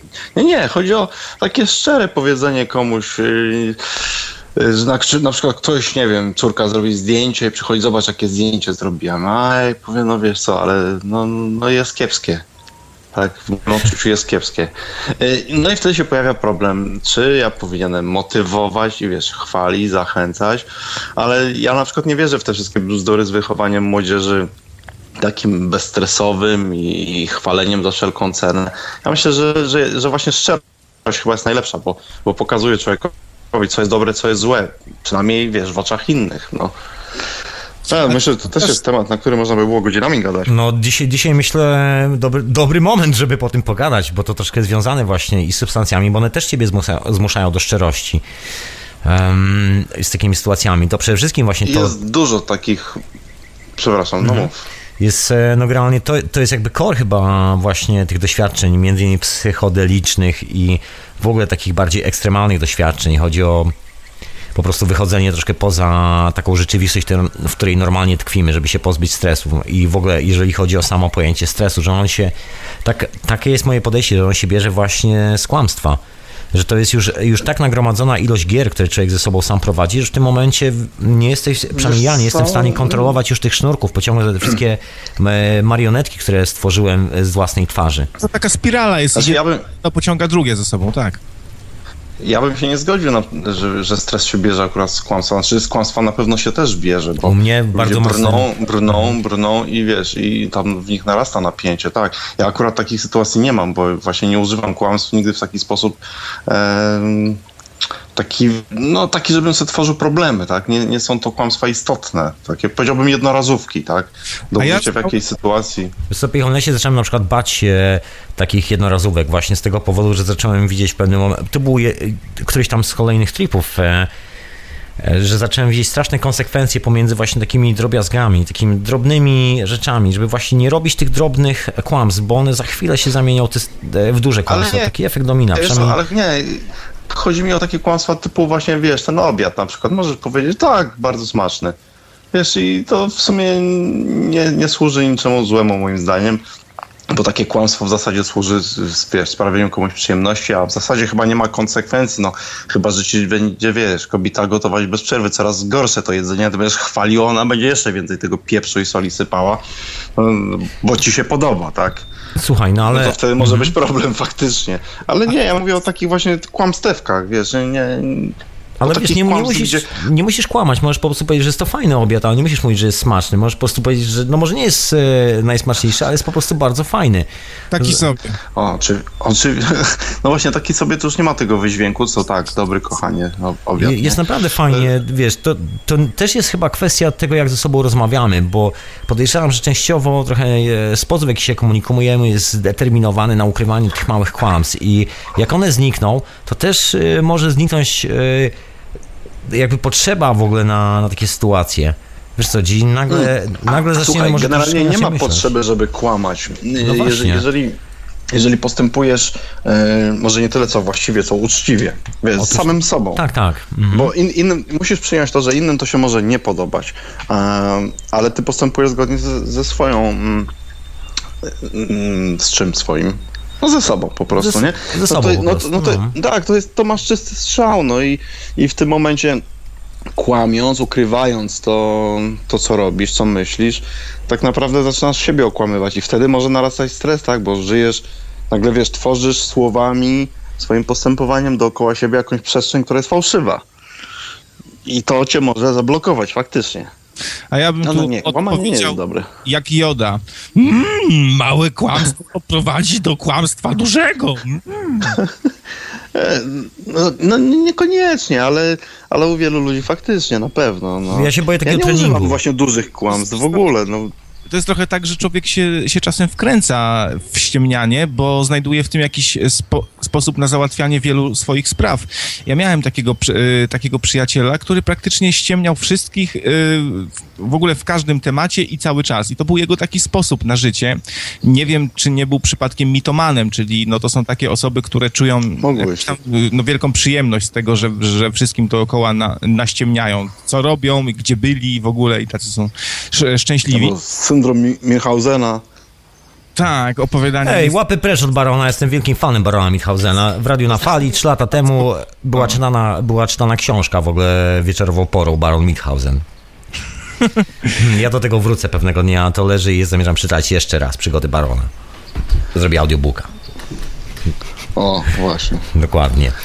E, Ja się po prostu boję, kochani, takich, e, takich rzeczy, bo o co chodzi? Miałem taki trip, który mi pokazał, ok, man, ale to jest trening, wykonujesz coś w rodzaju takiego delikatnego treningu i jeżeli będziesz wiecznie trenował tą postawę, to nie jest kwestia, że pewnego dnia koniecznie będę musiał uderzyć w jakieś wielkie kłamstwo, ale wtedy zawsze jest taki, taka pokusa troszeczkę, taka nawet nieświadoma, gdzieś podświadoma pokusa, że jak już wytrenowałeś się na małych, to to może się sprawdzić na dużych, bo też świat dookoła jest taki troszkę wyścigowy i gdzieś w pewnym momencie może zadziałać nasz racjonalny sposób myślenia, który mówi ścigaj się, ścigaj się i w tym To momencie ja- pacnąć to- większe kłamstwo, rozumiem? I nagle będzie wielka katastrofa, bo a wszystko Ale co, mnie się wydaje, mnie się wydaje, że tego się nie da tak wytrenować. Znaczy, może się da, nie wiem, ale y, z tego, co ja obserwuję, to ludzie po prostu albo mają tendencję do kłamania, albo nie. I, I ci, którzy po prostu mają tą tendencję, to nie kłamią, używają i małych kłamstw, i dużych, jedni bardziej w to brną, inni mniej. Nie, może- A, a mhm. ludzie, którzy są szczerzy z natury, z natury, to jeżeli użyją małego jakiegoś kłamstwa w jakiejś sytuacji, e, nie mają potrzeby, wiesz, kształcić tej umiejętności w sobie dalej. Słuchaj, może po prostu chodzi o o coś innego, może chodzi po prostu o jakiś taki, o to, że mamy po prostu paskudny sposób mówienia sobie prawdy, że nie potrafimy jeszcze właśnie z tego powodu, że nie przyjmować wiem, prawdy też. I E, może bardziej mówienia, wiesz, bardziej mówienia, bo czasami. e, zdaniem ludzie też mają przecież duży, duży problem, żeby prawdę przyjąć, prawda? To wiesz, to jest. No, no to- właśnie, tak. to jest inna to, sprawa. to, to jest fakt. Mhm. Słuchajcie, to chciałem odłożyć, bo to, jest, bo to jest jakby troszeczkę zawsze rzecz poza nami, bo to troszkę jak dyskutowanie o tym, o, o kimś hipotetycznym, jakby ciężko. Nie, bo my też e, czasami musimy przyjąć tą prawdę. Ktoś powie tobie coś na przykład, albo, albo, albo pichontu. Mm, No ja jestem bardziej, bardziej się zastanawiam nad tym y, aspektem, jak powiedzieć w normalny sposób prawdę, żeby żeby na przykład ona nie była zdeterminowana jakimś kiepskim myśleniem, że od razu po prostu powiedzieć, ale w miły prostu- sposób, po prostu powiedzieć prawdę w Y- miły sposób, nawet jeżeli ona jest kiepska, ale nie robić z tego dramatu, tylko zrobić z tego rozwiązanie. Myślę, że to jest jakby klub programu, że troszeczkę takie trenowanie małych kłamstw też pozbawia nas e, takiej umiejętności rozwiązywania e, napiętych sytuacji przez mówienie prawdy, co zawsze rozładowuje każdą sytuację, no bo to już jest taka szczerość, że po prostu jak do ściany, dalej już człowiek nie pójdzie, ale gdyby to zrobić w fajny sposób i powiedzieć komuś normalnie miło, to wszystko będzie ok. Tak mi się wydaje, przynajmniej ja staram się tak robić w swoim własnym życiu, żeby nie, żeby po prostu mówić prawdę, ale mówić ją tak normalnie, tak bez, e, Tak, ale wiesz bez co, to ja stawiania do kąta, wiesz co chodzi? Bo Y, No, i nie, nie możesz tej prawdy zabarwiać, wiesz, u, Otóż to. ubierać w jakieś tam ciuszki. On to ma być po prostu sama czysta prawda, tak jak bardziej, to widzisz tak, i, tyle. informacja Bez bez komentarza. Do, otóż to. Tak, tak, tak. Też, też, że jak powiemy, że prawdę możemy komuś powiedzieć też na różne sposoby. Możemy to powiedzieć tak, żeby nie zranić tej osoby i starać się jakoś to delikatnie Ale zrobić. właśnie to już jest taka polityka, wiesz, to już jest... Tak, e, nie, stary, ale czy, wiesz, czemu u, Mhm. uważanie, żeby kogoś skrzywdzić i, i, i bycie de, delikatnym ma być czymś złym i negatywnym? Ale- I jakoś, Ale wiesz co, Tomek ma tutaj rację z tą polityką, tylko że y, to, to jest w zasadzie problem, który jest poza, poza nami, a my próbujemy właśnie jakąś tą politykę uprawiać w tym momencie, żeby, y, wiesz, tak jakbyś rozmawiał z kimś, kto ma zupełnie inne zwyczaje, czyli zakładasz, że rozmawiasz z kimś, kto nie jest przygotowany na przyjęcie prawdy i to jest w zasadzie jego problem.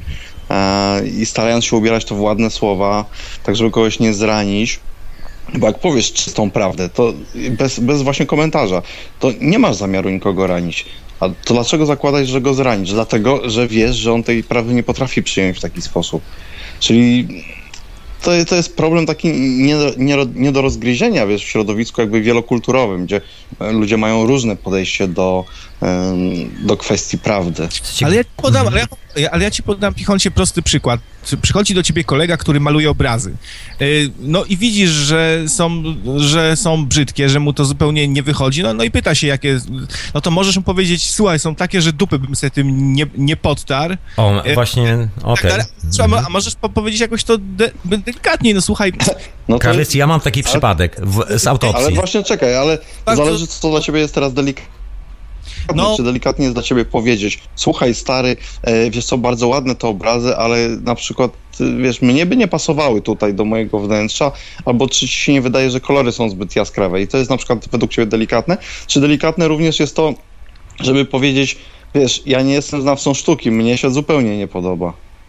Tak, można powiedzieć, że ja się tak, tak za bardzo nie znam, no nie do końca do mnie to przemawia, spytaj może kogoś jeszcze, wiesz co, no te mi się nie podobają, ale za to no ten jest, wiesz, fajny i pokazujesz jakiś tam jeden, no wiesz, no to nie jest jak, jakiś... Yy, to jest taka troszkę dla mnie, chłopaki, strategia, taka próba jakby, jak podejść do jeża, żeby, żeby walnąć go ręką, a się nie pokaleczyć. To jest... e, Nie wiesz, to, to też nie zupełnie, Tomek, dlatego że, no co masz komuś powiedzieć w takim przypadku? Z, miałem, mam taki przypadek. Nie możesz że- mu powiedzieć po prostu, słuchaj, są brzydkie, Mhm. y, bo to z kolei to, to, to już ma zabarwienie emocjonalne z tego względu, że ty wystawiasz ocenę. Wiesz, swoją, subiektywną. A, a to dla ciebie jest brzydkie, a może dla milionów much będą piękne i się sprzedadzą, wiesz. zupełnie, Mhm. Nie, zupełnie, słuchaj, zupełnie e, taki... słuchajcie, bo ja mam taką sytuację, bo to nie jest taka hipotetyczna sytuacja dla mnie, mam absolutnie taką sytuację, mam taką osobę, która, znam taką osobę, która maluje obrazki, Nie, no są bardzo intrygujące, powiem tak, obrazy są, są naprawdę intrygujące, ale no nie podobają mi się absolutnie. A jak na ironię znam historię tych obrazów, powstawania tych obrazów, e, bo znam tą osobę dosyć dobrze i lubię te, jakby lubię te obrazy, dlatego że one powstały, bo one ilustrują pewną część e, po prostu mojej historii. Natomiast nie mam problemu z tym, żeby powiedzieć, że no nie jest to moja bajka absolutnie, nie jest to coś, co sobie powieszę na ścianie. Przy czym nie ma to żadnego zabarwienia w sensie. Jakby no nigdy nie, nie powiedziałem, że ani złe, ani dobre. Po prostu no nie jest to moja historia. Podałem się w angielskim języku, jest piękne sformułowanie e, not my cup of tea, czyli to nie jest e, moja herbata.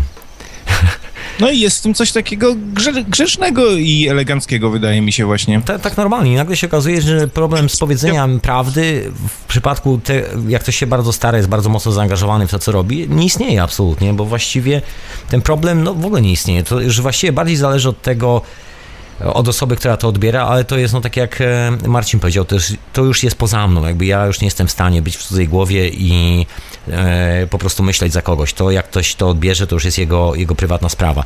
Natomiast tych obrazów absolutnie sobie nigdy nie powieszę, nie podobają mi się, absolutnie, ale bardzo je lubię, tak jest prawda, aczkolwiek, no dokładnie tak to wygląda. Jest to, jest to moja prawdziwa odpowiedź na to pytanie, które było na temat obrazów i nikt się nie obraził, wszystko było ok i, i naprawdę jest, jest sam raz. Nie było... Nikt się nie, nie obraził, nawet, nawet obrazy się nie obraziły. Nawet obrazy i nie było potrzeby y, kłamania przede wszystkim. Nagle się okazało, że nie ma, nie ma miejsca na kłamstwo w ogóle zupełnie, no bo po co? Nie ma problemu. Jak ludzie są szczerzy tak normalnie i chcą się ze sobą skomunikować, bo to, to jest, e, podejrzewam, kwestia tego, jak my mówimy prawdę, że często ta prawda jest ale chujowe, albo coś w tym stylu, no to wiadomo, że e, no to nie jest żadna prawda, to jest tylko i wyłącznie nasza prawda. No, że to już jest tak nacechowane, znaczy wiesz, no w tym To już już jest jest ocena, to już jest ocena tego.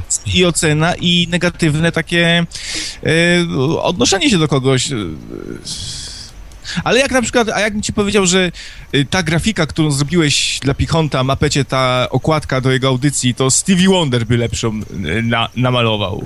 To byś się obraził, czy nie? Nie, czemu? Nie? Nie, czemu miałbym się obrazić? A, a, da, a dałbyś jakieś namiary na, na Stevie'ego? Właśnie, dajmy jakiś namiar na Stevie'ego, bo jak Stevie robi lepsze, to wiesz, no, chodzi o to, żeby było fajnie. To też jest taka, e, taka prosta, myślę, banalna sprawa, żeby nie czarować się, że robimy coś lepiej niż, e, niż robimy, po prostu, bo to chyba nie pomaga takie budowanie kłamstwa, jak mi się No wydaje. nie, nie, właśnie, no, no właśnie, właśnie. No właśnie, ale to, ale to dobrze, że powiedziałeś w sumie, y, wiesz co, Krawcze, bo ja w sumie też miałem takie, kurcze, wrażenie. Myślałem, że to tylko w moim odbiorze jest tak. Takie Dzięki chłopaki, dzięki, wasze zdrowie, wasze Sorry. zdrowie. chwa, faściory, nie? Wziął, wziął twój, y, jakiś twój portrecik, wrzucił w chwasty. Co to jest? Tylko Nie, nie, nie wiem, co na to William Morris. To było bardzo fajne zdjęcie. Tak, no bo zdjęcie Rupichon, zdjęcie jest najlepsze. Pastów. Tak, tak. No, Wiecie tak, co, o, ja, tak oto zostałem, Ja- ja mam słuchajcie, zlinczowany. A co to za pokrzywa? za chwasty. Taka, taka pokrzywa też narysowałeś, taka legalizacja. Pokrzywy chcesz legalizować? Co to Chcę jest? legalizować pokrzywę. A. E, Szczaw, przepraszam bardzo. To jest ten szczaw, to jest, to jest szczaw, który tam w Polsce rośnie, który trzeba pójść i zrywać. Szczaw. To taki przekaz, żeby spadali na szczaw niektórzy. Mm, Otóż to. Wiecie co, a ja mam w ogóle taki, taki mały, krótki temat, bo ja w sumie jak y, nosiłem się z zamiarem zadzwonienia, to chciałem tak zagadać, czy to jest audycja Zapytaj Tomka, i, i, bo ty tam te sprawy różne elektryczne, Tesla i inne rzeczy ogarniasz. Ja znalazłem taki artykuł e, o bakteriach, które się żywią prądem. Nie, nie miałem pojęcia, że takie są, a ono zostało odkryte chyba niedawno. Bo artykuł jest świeży. E, I te bakterie, słuchaj, to jest ileś rodzajów tych bakterii się okazuje. One żrą prąd w czystej formie. E, Jedzą elektrony tylko i wyłącznie. E, Pozyskują je z jakichś tam minerałów, z kamieni, z jakiegoś tam rodzaju błota. I podobno je łatwo jest w ogóle wywabić, bo się wkłada elektrony w, elektrody w ziemię, coś tam się puszcza prądu trochę czy coś, i one się złażą. E, No i, i, i je badają, bo to jakieś tam mają wielkie nadzieje z nimi. Ja się tak zastanawiałem, na bakteriach też się jakoś specjalnie nie znam, ale tak sprawdziłem sobie definicję w zasadzie bakterii, jaki jest jej tryb życia, no i ona no, musi się odżywiać i musi też wydalać. Normalnie bakteria wydala zazwyczaj toksyny tylko. E, ale co może wydalać bakteria, która je elektrony? Właśnie w tej sprawie chciałem zadzwonić. Słuchaj, No to- no my jesteśmy taką e, troszkę większą wersją, bo jesteśmy ilość tam e, miliardami takich bakterii, które też jedzą elektrony. Gdybyś e, nie mia- gdybyśmy nie mieli prądu elektrycznego w sobie, byśmy umarli. To tak naprawdę no, ten prąd powoduje, że funkcjonujemy, tylko że na odpowiedniej częstotliwości, odpowiednim rezonansie, no nasze serce, nasz mózg, no to są urządzenia elektromagnetyczne. I w ogóle No tak, jesteśmy tak, całym... ale wiesz, my, my mamy jeszcze jakieś tam różne inne pierwiastki i tak dalej, a ta bakteria wsuwa dokładnie tylko te elektrony. Słuchaj, no to powiem ci, Z czystą energią się żywi. Co ona może wydalać? Wydaje mi się, że Chyba też nic. rodzaj jakiejś energii. No jak je, to musi wydalać. Co? Może wy, Czy- wypierduje gwiazdki. Gwiazdki wypierduje. nie tylko piorunki małe. Co za ludzie, ładunki Kolumbusa Kierki, i skierki. iskierki. Otóż to. Ale y, Marcinie, ale to jest kwestia chyba takiej, no, można powiedzieć, e, walki pomiędzy oficjalną mainstreamową nauką, a tym, jak w rzeczywistości świat jest zbudowany, o czym już nawet ta oficjalna nauka zaczyna powoli mówić, no bo świat jest elektryczny, zbudowany jakby z ładunków elektrycznych i to jest... Tak, e, tak, to już się o tym mówi, bo nawet w tym artykule, wiesz, y, jest już właśnie wspomniane o tym, że no generalnie wszystko się składa, tak, właśnie z energii.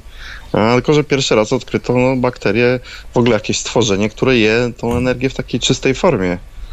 A jak powiedziałem, Trudno sobie to wyobrazić. a jak Nie? powiedziałem Mhm. to na, nauczycielowi w, po, w podstawówce, że świat się składa z energii, to się śmiali ze mnie wszyscy. No, ja tu mam podpis, że może ta komórka wydziela ciepło. Jak, jak wydala. No to byłoby albo może świecić, może zmienić Cie- kolor, Ciepłą kubkę. albo może na przykład z, zmieniać częstotliwość w jakiś taki sposób, że jak e, flamingi, które żrą jakiś tam e, różowy plankton, stają się po prostu różowe. Rozumiesz? Może w ten sposób.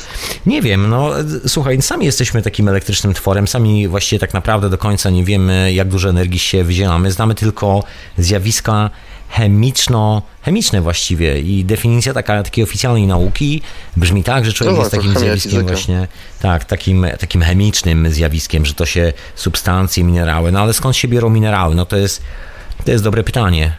Właśnie, jak chcesz zbudować minerały, no to musisz wziąć specjalny roztwór i puścić tam prąd elektryczny i dopiero wtedy w, e, osiągniesz minerały, jak, e, jak to połączysz. Jak chcesz zrobić sztucz, sztuczne oczywiście minerały. Także się okazuje, że te minerały też są z prądu. To wszystko w ogóle generalnie z owej energii się bierze. No nie tylko z prądu, bo prąd jest jakby jedną częścią tej energii. Reszta to jest, e, są wszystkie te rzeczy, o których nauka nie lubi mówić, czyli orgony, orgon, aura, cokolwiek w ogóle, jak to, jak to zwał.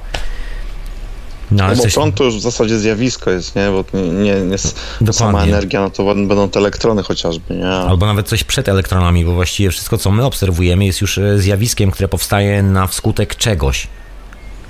I No, na przykład ruchu elektronów właśnie, prawda? Albo ruch elektronów jest zjawiskiem, które powstaje na wskutek czegoś. Bo ten elektron musi jakoś sformować, prawda? To skąd się musi wziąć? To się nie bierze od tak, że po prostu jest pula elektronów i teraz te elektrony twierdzą, że coś będą robiły. To, to jest bardziej efekt działania. Tylko, że nauka jakby nie lubi cofać się do efektu działania, no bo jest tam kilka y, różnych zagadek ukrytych i no ciężko na tym dyplom zrobić chyba. Właśnie, Ale to, no. to, ale to jest ciekawe, co powiedziałeś, że nauka nie lubi się cofać. Nauka się w ogóle nie lubi cofać, a właśnie e, wygląda na to, że naj, najlepsze efekty są jak co jakiś czas się cofną naukowcy do tyłu, jakby porzucą to, co wiedzą, cofną się do jakichś starszych założeń i jeszcze raz pójdą tą drogą z powrotem. I wtedy się okazuje, że, że jednak sprawy inaczej wyglądają. A nauka się cały czas cofa, bo nauka bazuje na cofaniu się, na tym, co już odkryła i wydaje mi się, że to jest kwintesencja właśnie nauki. Nie, no, w, w moim ro, rozumieniu ona brnie do przodu cały czas. Wiesz, brnie. Jeszcze mi już tak widać, wydaje. że już im nie idzie, ale jeszcze, jeszcze się próbują, wiesz, przesuwać. Zamiast powiedzieć, dobra, y, żeśmy źle poszli, wracamy, nie? I jeszcze raz zaczniemy z tamtej strony. Zrobimy inne podejście na tą górę na przykład. Wiesz, Nauka zawsze się cofa, jeśli nie uzyskuje efektu jakiegoś na, naukowego, który się da zakwalifikować jako o, odkrycie udowodnione, to się, to się właśnie cofa i zaczyna od nowo, od, od nowa naukowiec, nie? ja nie wiem, czy mnie przerywał, czy... Yy, czasami, ale ciebie słychać, wszystko jest ok. Ciebie słychać. Może działa. Absolutnie działa. Czasem coś tam troszeczkę. No nie wiem, mi się wydaje, że nauka jest pod tym względem okej. Nawet jestem w stanie zrozumieć tą naukę, że tak chętnie nie sięga po rzeczy różne właśnie niezbadane i jeszcze takie troszeczkę dla nas tajemnicze, bo właśnie no co, ta nauka musi pozostać taka sceptyczna, bazująca, wiesz, yy, wiecie, twardo na tym, co już odkryła, co jest udowodnione w 100%. Tak mnie się wydaje. I don't know, ja z tą nauką mam tak, że y, niewiele rzeczy jest udowodnione w 100%, a jeżeli już, to jest to obserwacja zjawisk bez podawania ich rzeczywistej przyczyny. Także dlaczego masło jest y, maślane? Bo jest masłem. To jest mniej więcej tego typu odpowiedź troszeczkę. Także dlaczego elektrony się kręcą? Bo się kręcą. No ale co to wyjaśnia? Nic nie wyjaśnia właściwie. To nie jest nawet, nawet tak powiem, otarcie się o, o próbę rozwiązania tej sytuacji, dowiedzenia się o co tak naprawdę chodzi, tylko jest to po prostu stwierdzenie takiego, wymyślimy sobie dogmat. Tak się dzieje i tak się dzieje i tak już zostało. A może to dobrze właśnie, żeby oddzielić od siebie oficjalną naukę i tą właśnie, nie jak to nazwać, paranauka albo nauka... Yy, hmm. No, nie wiem, czy wiesz, czy się da tak oddzielić, bo jedni ludzie dysponują e, eksperymentami, które są sprawdzalne, a drudzy właściwie robią eksperymenty, które służą tylko i wyłącznie potwierdzeniu ich e, teologii. I właściwie nie da się nic za bardzo potwierdzić. To jest tak trochę. A jaki byś przykład właśnie takiej e, teologii w nauce zapodał, że właśnie jaskrawy przykład tego, że nau- naukowcy mówią o czymś, a sami za bardzo nie wiedzą o czym mówią i jest to dla nich taki dogmat trochę. To jakiś taki przykład byś dał? Tak, bardzo prosty. Na przykład odkrycie Wilhelma Reicha z bionem, czyli z tą. em, z rodzajem sformowaniem się energii. Jest taki moment, że zanim powstanie komórka, powstaje zjawisko, które się nazywa bion. I właściwie ciężko to zdefiniować, bo współczesna nauka w ogóle nie traktuje takich, w ogóle nie ma nawet y, zdolności opisowych na opowiedzenie, czym to tak naprawdę jest. To jest coś w rodzaju manifestującej się plazmy, która na naszych oczach, można to pod y, mikroskopem zaobserwować, to jest każdy moment, kiedy to jest tuż ta chwila przed y, narodzeniem się komórki. Powstaje coś, co automatycznie jakby propaguje formę życia i to dopiero zamienia się w komórkę. Nikt nie jest w stanie tego wytłumaczyć. E, To, to się po prostu odbywa, po prostu jest nagle formuje się bion i z biona powstaje, powstaje życie. I właściwie fenomen, no bo dookoła biona właściwie nie ma żadnych chemicznych zjawisk, e, które moglibyśmy uznać za ojców tej sytuacji albo za mamy tej sytuacji. Nie dzieje się, nie dzieje się nic, po prostu nagle po prostu powstaje komórka. Nagle pojawia się bion i po, jeżeli są sprzyjające warunki, ten bion zamienia się automatycznie w żywe komórki. Mhm. No czytam sobie tu o Bionie, ale niestety nie, nie wszystko rozumiem, bo po angielsku tylko na anglojęzycznej wi Wikipedii tylko znalazłem, a polska Wikipedia informuje mnie, że coś takiego jak Bion nie istnieje, jest tylko Bion miejscowość we Francji i tylko i Londynu też nie ma, tylko Lądek Zdrój jest. No. no to tak się zdarza, także nie przejmujmy się tym za bardzo, to jest chyba ta oficjalna nauka, bo istnienie Biona podważa yy, w ogóle oficjalną całą biologię, oficjalną chemię i całą tą naukę związaną ze wszystkim tym, co żyje, przynajmniej w wersji oficjalnej. Bo ta e, wersja twierdzi, że wszystko jest e, procesami chemicznymi. Ona powoli dopuszcza, że elektrochemicznymi. A bion nie jest procesem elektrochemicznym, jest po prostu procesem. I nagle w pewnym momencie pojawia się coś, co nagle zaczyna emitować e, swoje własne pole i nagle zamienia się w komórkę. I nie ma żadnej reakcji chemicznej, nie ma nic, po prostu się pojawia znikąd. No i teraz jest pytanie, jeżeli się pojawia znikąd, no, no to znaczy, dookoła nas musi być po prostu gigantyczne pole energii, które tak naprawdę odpowiada za pojawienie się tego czegoś, tylko że jest to energia po prostu kompletnie niewidoczna, niesprawdzalna. To jest ten klasyczny przykład jak ryba w wodzie, która po prostu nie widzi wody, tak jak my w powietrzu, my nie widzimy tej energii, po prostu widzimy powietrze. No i nauka skoncentrowała się jedynie na materii. Ta współczesna nauka jest po prostu takim, e, ma, tak, taką fetyszyzacją życia, która się koncentruje tylko i wyłącznie na twardych przedmiotach, które można, nie wiem, złamać albo i nie złamać, albo zgiąć. I to wszystko. Natomiast ale nie ma wyjaśnienia, te, skąd się biorą te twarde przedmioty, które nauka bada. Bo nauka bada te twarde przedmioty, twierdzi, one są twarde i e, tak już jest. Czyli nauka nie do końca pozostaje na, naukowa w zgodzie sama ze sobą, bo teoretycznie powinna działać tak, że bazujemy tylko na tym, co mamy, co znamy już, że nie, nie, nie, nie badamy czegoś, jak mamy czarne dziury tam w wiedzy, prawda? Gdzieś tam yy, i, i zaległości. Trzeba by zbadać od podstaw jakieś zjawisko, ale to pewnie się nie zawsze da, nie? I, i odkrywamy mhm. przykład, wiesz, sam wie, wierzchołek góry, a to, co niżej, no to tego nie znamy, mimo że powinniśmy zaczynać odkrywanie góry od dołu na przykład. A słuchajcie, a tak może próbując zmienić troszeczkę temat, wiecie, że ostatnio naukowcy odkryli, gdzie znajduje się w mózgu e, ośrodek odpowiedzialny za naszą świadomość? Tak, to taki słynny news się pojawił gdzieś na Guardianie, to nawet w Anglii też, ale to taki, też taka kaczka troszeczkę, taki, no bullshit co dużo mówić, no bo co udowodnili? Udowodnili, że jak ci odepną kawałek mózgu, to przestaniesz się ruszać. No to wiesz, naprawdę nie jest to jakby rewelacyjne odkrycie, jest to... to wie, wiem o co ci chodzi. Jest to tylko głupi i głupszy, no to weź sobie młotek, walnij sobie w głowę, będziesz miał ten sam problem, nie? Tylko, że problem z tym, że jak się walniesz w głowę, tego urazu nie można cofnąć, bo możesz sobie uszkodzić mózg. Natomiast oni zrobili to w ten sposób, że wyłączyli na sekundę i włączyli z powrotem, żeby nie uszkodzić mózgu. No to jaka to jest nauka? Jakby to co oni udowodnili, że... Poza tym w ogóle, wiesz, to poszukiwanie miejsca, w którym jest świadomość, która nie no. wiadomo czym jest według nauki, no trochę też już się mija z celem, nie? No bo... Jak szukanie speakera no dobra, w radiu. miejsce, gdzie jest coś, co tak, co nie wiadomo, wiesz, gdzie, czym jest w ogóle. Rozbi rozbiorę telewizor, a tam znajdę speakera w środku, albo rozbiorę radio i tam znajdę speakera, tam znajdę te wszystkie głosy, głosy mieszkają w radiu.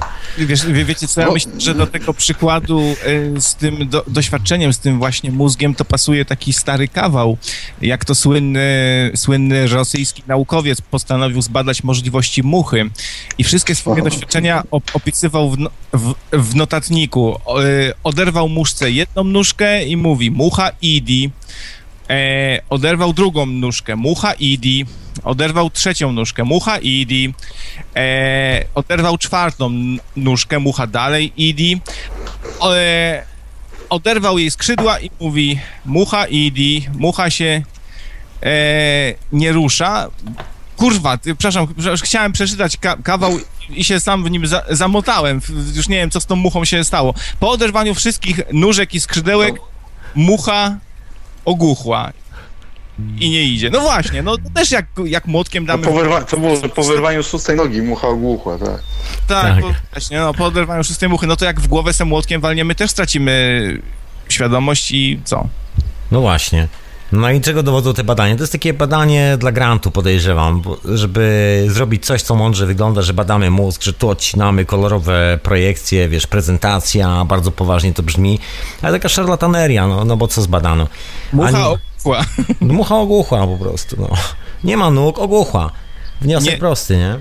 Nie idi. No jak to, na, jak, bo przeczytałem to na Guardianie, tam było, że już jest siedzisko ludzkiej świadomości, tak takie no dowcip, dowcip, e, bo są te poważne eksperymenty, to robione w Anglii, w kilku szpitalach nad łóżkami są to urządzenia do podtrzymywania życia. No i na tych urządzeniach są położone specjalne ilustracje. Na samej górze, także jak e, pacjent leży na łóżku, to nie widzi tych ilustracji, tak samo lekarze. No i eksperyment polega na tym, że jak ktoś ma zgon i to taki, e, no w sensie po prostu umiera, ale go przywracają do życia, no to są bardzo różne opisy tego właśnie out of body experience, czyli bycia poza własnym ciałem. No i eksperyment polega na tym, że pyta się ludzi, co widzieli i fenomenalne jest to, że ludzie zgłaszają, że właśnie widzą te ilustracje. Normalnie nikt nawet nie wie, że tam jest ilustracja, po prostu oni mówią, że byli nad sobą z góry, widzieli wszystko i opisują ci tą ilustrację, jak ona wyglądała. No to teraz y, proste pytanie do panów naukowców, którzy badają mózg za pomocą włączania i włączania i mówią, że tam mieszka świadomość. To gdzie mieszka świadomość, jak człowiek y, wychodzi ze swojego ciała na chwilę? W tym kawałku mózgu?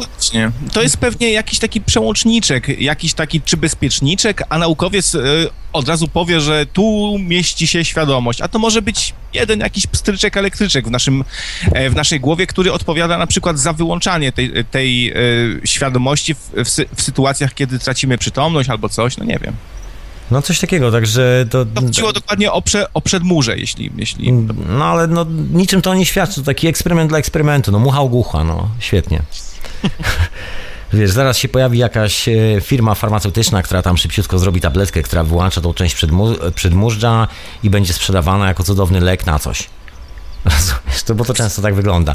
I tak naprawdę te doświadczenia służą i są przede wszystkim finansowane przez te duże koncerny farmakologiczne, które w ten sposób budują sobie taką propagandową podkładkę pod to, że mają cudowny lek na coś, wiesz, bo to jest, to jest taki świetny slogan i myślę, że część ludzi uwierzy w to. Wow, to jest to miejsce, gdzie mieszka świadomość, czyli ją włączy i włączy, poczuje się lepiej i będzie tabletka na to, żeby wyłączyć świadomość i włączyć świadomość, bo to jest jakby kolejny etap tego wszystkiego. I to bardziej taka właśnie współczesna szarlataneria. Nie, za, nie nazywam tego nauką, bo ciężko nazwać to nauką, no poza poza chyba urządzeniami pomiarowymi do tego, ale to też tak nie do końca, bo te urządzenia ja... też mierzą tylko część tego, co widzimy.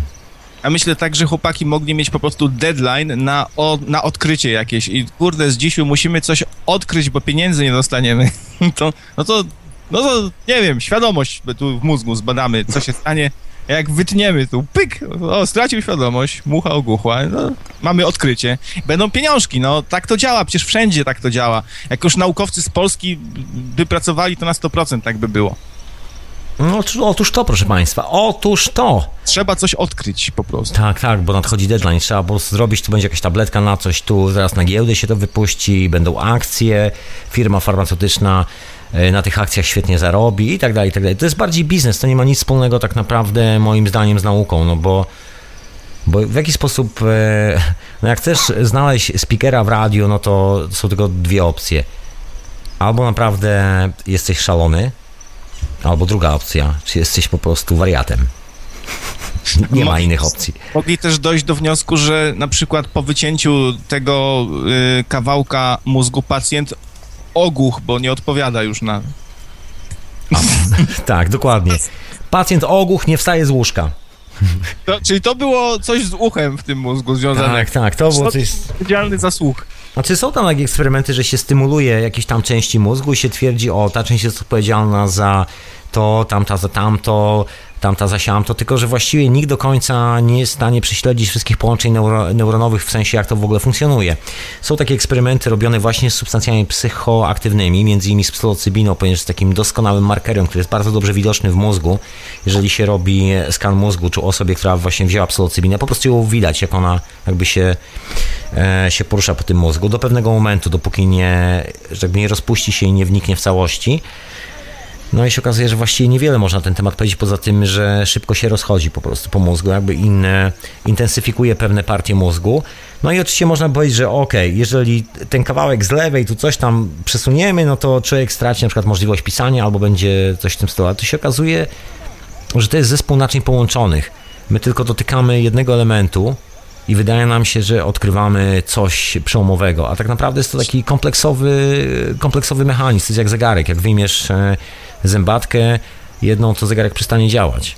Jak program, y, y, program komputerowy też, jak wytniesz z, pro, z, programu jedną jakąś funkcję tylko odpowiedzialną, to od razu się zrobi błąd. I, ale wiesz, właśnie... W programie jeszcze, wiesz co, w programie jeszcze masz tą opcję, wiesz krawiec, w programie jeszcze masz tą opcję, że możesz wyciągnąć funkcję, która za coś odpowiada. Natomiast w zegarku to było tak, że jak wyci- to troszkę tak jakbyś wyciągnął zębatkę i nagle wskazówki przestały chodzić i powiedział, a to ta zębatka odpowiada za chodzenie wskazówek. Nie za, za, za działanie zegara, tylko za chodzenie wskazówek.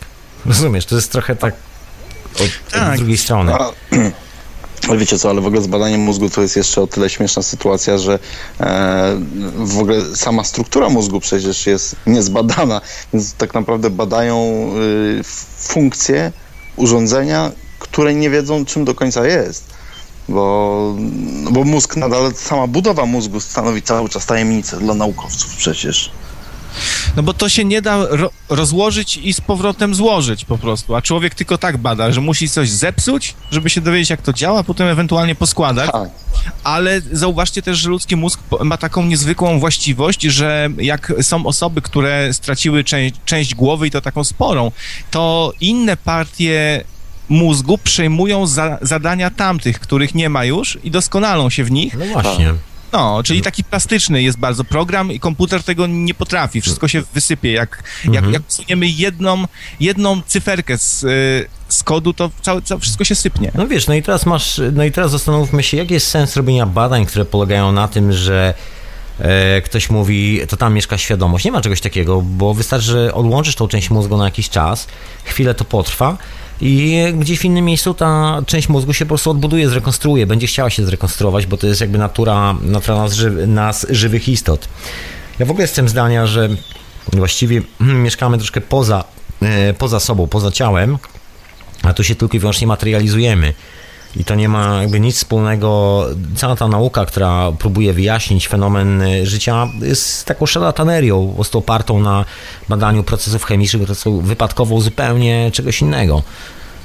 Tylko, że po prostu tego się już nie da zmierzyć, no bo jak nie ma procesów chemicznych, no to, no to jak leczyć człowieka, jak mu sprzedawać więcej tabletek? Po prostu nie ma tej iluzji dookoła, że się kontroluje na przykład świat, no bo kolejną rzeczą chyba przy nauce jest e, ta iluzja, że kontrolujemy świat, że znamy mechanizmy, na których, e, na których ten świat jest osadzony. W ogóle tak sobie myślę, że, że w ogóle metody badawcze, jakie mamy w sumie prymitywne, nie? Cały czas tylko y, takie narzędzia jeszcze, no niemalże z epoki kamienia upanego, wyciąć coś, wyciąć fragment i zobaczyć, co się wydarzy. Usunąć po prostu. I innych metod y, za, za dużo nie ma w sumie, jeżeli chodzi o badanie mózgu. No tam się bada aktywność elektryczną, ale ja na przykład chyba w poprzednim odcinku Pichontarium wspominałem o gleju. Tak, czyli tak. o takiej substancji, która, wiesz, do niedawna była uznawana, była traktowana przez y, medycynę jako taki rodzaj kitu, uszczelnienia pomiędzy tymi częściami mózgu, które przewodzą prąd, które przesyłają informacje. Się okazało, że ten glej też przez, w, uczestniczy w przesyle informacji i w, do, w dodatku bez użycia impulsów elektrycznych, tylko jakąś in, inną metodą, ale oni nadal nie wiedzą jeszcze jaką. Więc jak, jak można to badać? Yy, No nadal nic nie... I oni, i oni się biorą za szukanie świadomości. No, To no jest właśnie, tak jak z rację. DNA, słuchajcie, to jest tak jak e, słynna historia z DNA, naukowcami, którzy stwierdzili, że jesteś jak śmieciowe DNA, to jest po prostu dowcip. I to tak zwani naukowcy stwierdzili, że to jest śmieciowe DNA, tylko dlatego, że nie potrafią tego przeczytać. To trochę tak jak ja bym wszedł do biblioteki i był analfabetą, takiej największej biblioteki na świecie i powiedział, spojrzał na te wszystkie książki, które mówią o tym, jak na przykład, nie wiem, e, zrobić, e, wybudować cały świat od zera i to taki super, e, super, hiper, duper. No i stwierdził, e, to są śmieci. Bo po prostu nie potrafię przeczytać dokładnie w ten sposób. I to nazwał nauką. Bo ja Albo nie jakby wziął pana Tadeusza i, i, i stwierdził, że y, pan Tadeusz jest wybrakowany, bo jest tylko taki w słupku napisany po środku, a boki są wolne. I... Tak, tak, tak, coś w drukarni się przesunęło i to chyba jest połowa książki. Takie niedopisane, tak dziwnie się czyta, bo tam takie dochodzi, takie nie wiadomo, czy się domyślać, czy nie. Chyba tym zepsute. niektóre słowa, co czwarty wiersz bodajże y, mają podobne końcówki. Tak, i brzmią tak, podobnie. coś tam się popsuło w drukarni, dokładnie. Ale faktycznie ci, ci, ci ziemscy naukowcy to trochę tacy są jak dzieci, że e, jeszcze tabliczki mnożenia nie znają, ale już komputer będą tu budować, nie? I zaraz zrobią.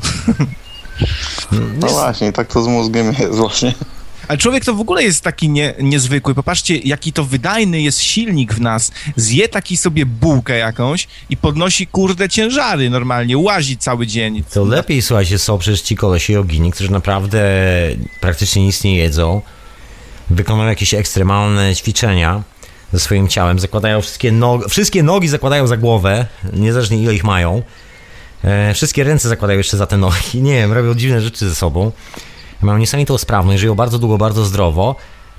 I nie ma to nic wspólnego z pomysłem nauki, bo według takiej współczesnej nauki ci ludzie właściwie powinni e, mieć jakieś ciężkie choroby, brak witamin w organizmie, brak wszystkiego. Oni w ogóle nie powinni funkcjonować, tego w ogóle nie powinno być na planecie. To troszkę mi się zawsze kojarzy z kwestią przewidywalności pogody. Właściwie nie da się przewidzieć pogody na tej planecie i wszyscy o tym doskonale wiedzą. Jest używany tylko tak zwany model teoretyczny. Jest to programowanie, które napisano na samym początku lat 70. E, było takie spotkanie, się nazywało Klub Paryski i jeszcze pierwsze Bilderbergi i tak dalej. I tam był taki pomysł, że napiszą oprogramowanie i tym oprogramowaniem będą analizowali pogodę dookoła i jak sobie troszkę poanalizują, no to będą mogli przewidywać pogodę. No się okazało, że nikt nie jest w stanie przewidywać pogody. Być może dlatego nam sypiał ten syf na głowy. Być może dlatego dzieją się dziwne rzeczy, bo to jest taka, taki akt desperacji, taki egoistyczny akt desperacji i kontroli świata. Tym wszystkim e, w tym całym pięknie, które polega na tym, że tak naprawdę nie da się tego kontrolować. Jesteśmy częścią tego organizmu i to wszystko. Próba kontroli kończy się katastrofą, ale jest ta obsesja. W kwestii pogody to my często w ogóle mylimy pojęcia, wiesz, że e, właśnie, że przewidywanie pogody, nie, nie ma czegoś takiego jak przewidywanie pogody, tylko prognozowanie. Czyli wiesz, takie, no prognozowanie jest jednak czymś innym niż przewidywanie. Chyba nikt się nie pokusił jeszcze o przewidywanie. Nie. To powinni to nazwać gdybanie i byłoby okej, okay, no. Nie, no to, to się nazywa prognozowanie, to jest prognoza. No Ona się może sprawdzić lub nie. I w sumie działa często, nie, to pro prognozowanie, więc może... No, podobnie jak przepowiednie, wiesz, y, Jackowskiego na przykład. No, a, a jeszcze tak y, co do odkryć, to ja naukowcom bym proponował się brać za sztuczną inteligencję i tego typu sprawy. No, mo, może jak najpierw wynajdziemy y, taki silnik, który by, by był tak wydajny jak człowiek. To, to, coś od prostszych może spraw zacznijmy i zróbmy taki silnik, który będzie na jednej bułce dźwigał ciężary, jakieś skrzynie na przykład. No. E, ale na jednej bułce to nie podźwigasz. A człowiek potrafi, a my nie potrafimy stworzyć, widzisz, takiego klona samego siebie, który by był tak wydajny jak my. Chyba, że to działa tak, że człowiek po prostu zbiera przez długi czas w mięśniach tą siłę jakoś i ona się yy, po prostu kumuluje, nie? Ja stąd... co ty opowiadasz? Słuchaj, ma, mama tyle ci dodała. Musisz sobie znaleźć jakąś dziewczynę i sobie zrobić takiego klona. Nie musisz wcale mieć naukowców do tego, wiesz, białych kitlach. No, słuchaj, jeżeli chcesz, żeby stali obok i patrzyli, jak to robicie, spoko, rozumiem. Każdy ma, wiesz... Yy każdy ma, każdy lubi coś innego, rozumiesz? Także nie mam z tym problemu, jeżeli chcę, żeby ciebie oglądali wtedy i badali. Ale naprawdę nie trzeba budować żadnych klonów, nie trzeba. Właśnie to jest, to jest taki fenomen. Dziś ostatnio czytałem, bo jest dużo rumoru i zamieszczania dookoła. Zapomniałem, jak to się nazywa. Jest taki, jest taki termin oznaczający taką nie wiem jak to nazwać, takie bardzo stechnokratyzowanie człowieka, zbudowanie takiego człowieka maszyny właściwie, o tym jak zastąpić nasze oczy jakimiś e, modułami takimi technicznymi, jak wzmocnić ręce, takie, jak schakować organizm za pomocą technologii, żeby był jeszcze bardziej wydajny. I to jest taka, no, takie, my, takie szaleństwo po prostu. Kochany, od, od zarania dziejów prze, przecież no, budujemy sobie coraz lepsze zbroje, staramy się e, i, i protezy jakieś, coś co ułatwia nam życie. Na każdym kroku tak staramy się siebie zupgrade'ować chyba, nie? E... No ale ostatnio czytałem, że się udało zbudować ten egzoszkielet, który jest kontrolowany myślami. Chyba tak. Wiesz, dla ludzi z jakimś tam bezwładem mięśni, czyli oni w zasadzie myślą, co chcą robić i, i ten egzoszkielet wykonuje te czynności, czyli, czyli na coś ta nauka się jednak przydaje. Ale słuchaj, coś, to jest, to jest taki zewnętrzny. Wydłubać. Ale to jest taki egzoszkielet zewnętrzny. Teraz wyobraźmy sobie, co było, gdyby tak. nauka wróciła z powrotem, tak jak mówiłeś Marcin, do samego początku, wróciła do Wilhelma Reicha i wróciła do kwestii plazmy, bionu narodzinie komórki. Teraz e, o czym się już przestało mówić, ale było swego czasu głośno, jest taki specjalny pył, który się robi ze świńskiej skóry bo ona jest bardzo podobna, e, chyba w tam 98% zgodność DNA z ludzkim. I to właśnie chodzi o, jeżeli, o zgodność e, z komórkami skóry, nie wiem jak to się nazywa, po prostu takie elementarne rzeczy. I ten pył jest jakiś specjalnie robiony właśnie ze świńskiej skóry i kiedy na przykład obetniesz sobie pół palca, to jest posypywany tym pyłem i on ci zaczyna odrastać. To jest ten słynny wynalazek, e, który teraz armia amerykańska sobie przygarnęła. Nie chce się dzielić całym światem. Niech inni ludzie sobie wkładają protezy, a ci, co najmożniejsi na świecie, jak sobie coś zrobią, to będą mogli się posypać tym proszkiem i palec im odrośnie. Taki Ale fenomen. A, a, ręka też na przykład? Cał, cał? Nie wiem, no moment, kiedy się okazało, że na przykład odrasta palec razem z kością i paznokciem, dosłownie, jakby koleś sobie uciął pół palca i dosłownie odrosło razem ze ścięgnami, e, wynalazek znikł e, z publicznej domeny. Znaczy wiadomo, że armia tam położyła, bo e, na tym łapa amerykańska i nie chce nic o tym mówić. No jeżeli to odrosło, Ale no to to- wszystko może odrosnąć. Ale to co to jest? To jest coś w rodzaju komórek macierzystych? Tak, tak, to jest coś w rodzaju, robi się coś w rodzaju komórek macierzystych ze świńskiej skóry. Się okazuje, że to zwierzątko jest tak podobne do nas, e, że po A, prostu... bo dlatego może się nazywa maciora. A widzisz, a widzisz. Stąd te świńskie ryje, co w telewizji widzę. Także gdybyśmy się, słuchajcie, cofnęli, ale chodzi o historię z Bionem, chodzi prawdopodobnie, bo to jest coś, co, czego się domyślam, bo właściwie nigdy nie opublikowano jakiejkolwiek dokumentacji medycznej na ten temat. Poza tym, że coś takiego jest, istnieje i zdjęcia jakby tego eksperymentu. To faktycznie zostało opublikowane i to nawet e, w, w Lancecie e, i nie tylko, w takich me, medycznych e, magazynach, ale tylko to. Natomiast nikt nie mówi o technologii, która jest używana do tego. I podejrzewam, że chodzi o właśnie wzbudzanie tego pola, które jest dookoła nas. No bo jest ten fenomen na przykład, że jak człowiek traci rękę, traci nogę, to on dalej ją czuje. I Tak. kiedy są robione właśnie to bio, A, te fantomy takie. tak, tak. To, co bioenergoterapeuci mówią, że kiedy widzą aurę takiego człowieka, widzą go z ręką, jakby ta, to wcale nie znika. I teraz jest pytanie, jeżeli ta energia dalej funkcjonuje dookoła nas, teraz tr- trzeba tylko właściwej substancji, po której ta energia będzie mogła propagować i się odrodzić z powrotem. Że, się- stop, stop, stop, stop. Przepraszam cię bardzo, że, że ci przerwę. To Ciekawą rzecz powiem. Y, Czyli tak, ktoś traci kończynę, a ci, którzy widzą aurę, widzą dalej tą dłoń na przykład, Tak, tak? tak, widać po prostu na aurze, że dalej aura jest dookoła, że tam świeci po prostu, widać, e, no widać, że jest. No dobra, to ja będę tutaj takim adwokatem diabła, że no, powiedzmy nie wierzymy w aurę. No, ludzie, że widzą, jedni widzą, inni nie widzą. E, My tej aury normalnie nie widzimy. Ale jeszcze mamy przecież ten układ proprioceptywny, czyli e, właśnie to, jak sami siebie odbieramy. Jak nasz mózg odbiera, nasza świadomość, jak odbiera nasze ciało. E, I, I to, że na przykład czujemy swędzenie nogi, której nie mamy, może wynikać z, właśnie z tego, z tego planu, który, wiesz, swojego ciała, który mamy w głowie gdzieś i on nam jeszcze pozostał. Może to być to. Może być, tylko że wiesz, ja się zastanawiam jakby od drugiej strony, że ym, jeżeli jest ten pył i go sypiesz po ranie, no bo wszystko musi po czymś propagować, no rzeczy muszą po czymś, ta fala musi być zbudzana swojego A to organizmu. może być de, ta, No tak, tak, tak. Rozumiesz? no, I to- nagle, i może się okazać, że to pole, że to pole naprawdę, oczywiście jest to kwestia dyskusji, czy wiesz, czy bioenergoterapia, czy po prostu ci ludzie naprawdę widzą to, co widzą i tak dalej, to się zawsze można dyskutować, no bo nie jest to oczywiste, jest to indywidualne doświadczenie każdego z nich i to jest e, dyskusyjna sprawa, zawsze, jeżeli chcemy, żeby była dyskusyjna. Natomiast e, efekt jest taki dosyć konkretny, jakby widać, e, widać, że to się wszystko jakby goi, odrasta, to, to działa, także nie ma z tym e, żadnego problemu. Ja tu mam, słuchajcie, stałego słuchacza razem z nami, witam Dzień ponownie. dobry, chciałem o tym proszku. Dokładnie wszystko było powiedziane, jak to zostało wynalezione, przez kogo. Pół roku temu było w filmie dokumentalnym na, na Discover Science.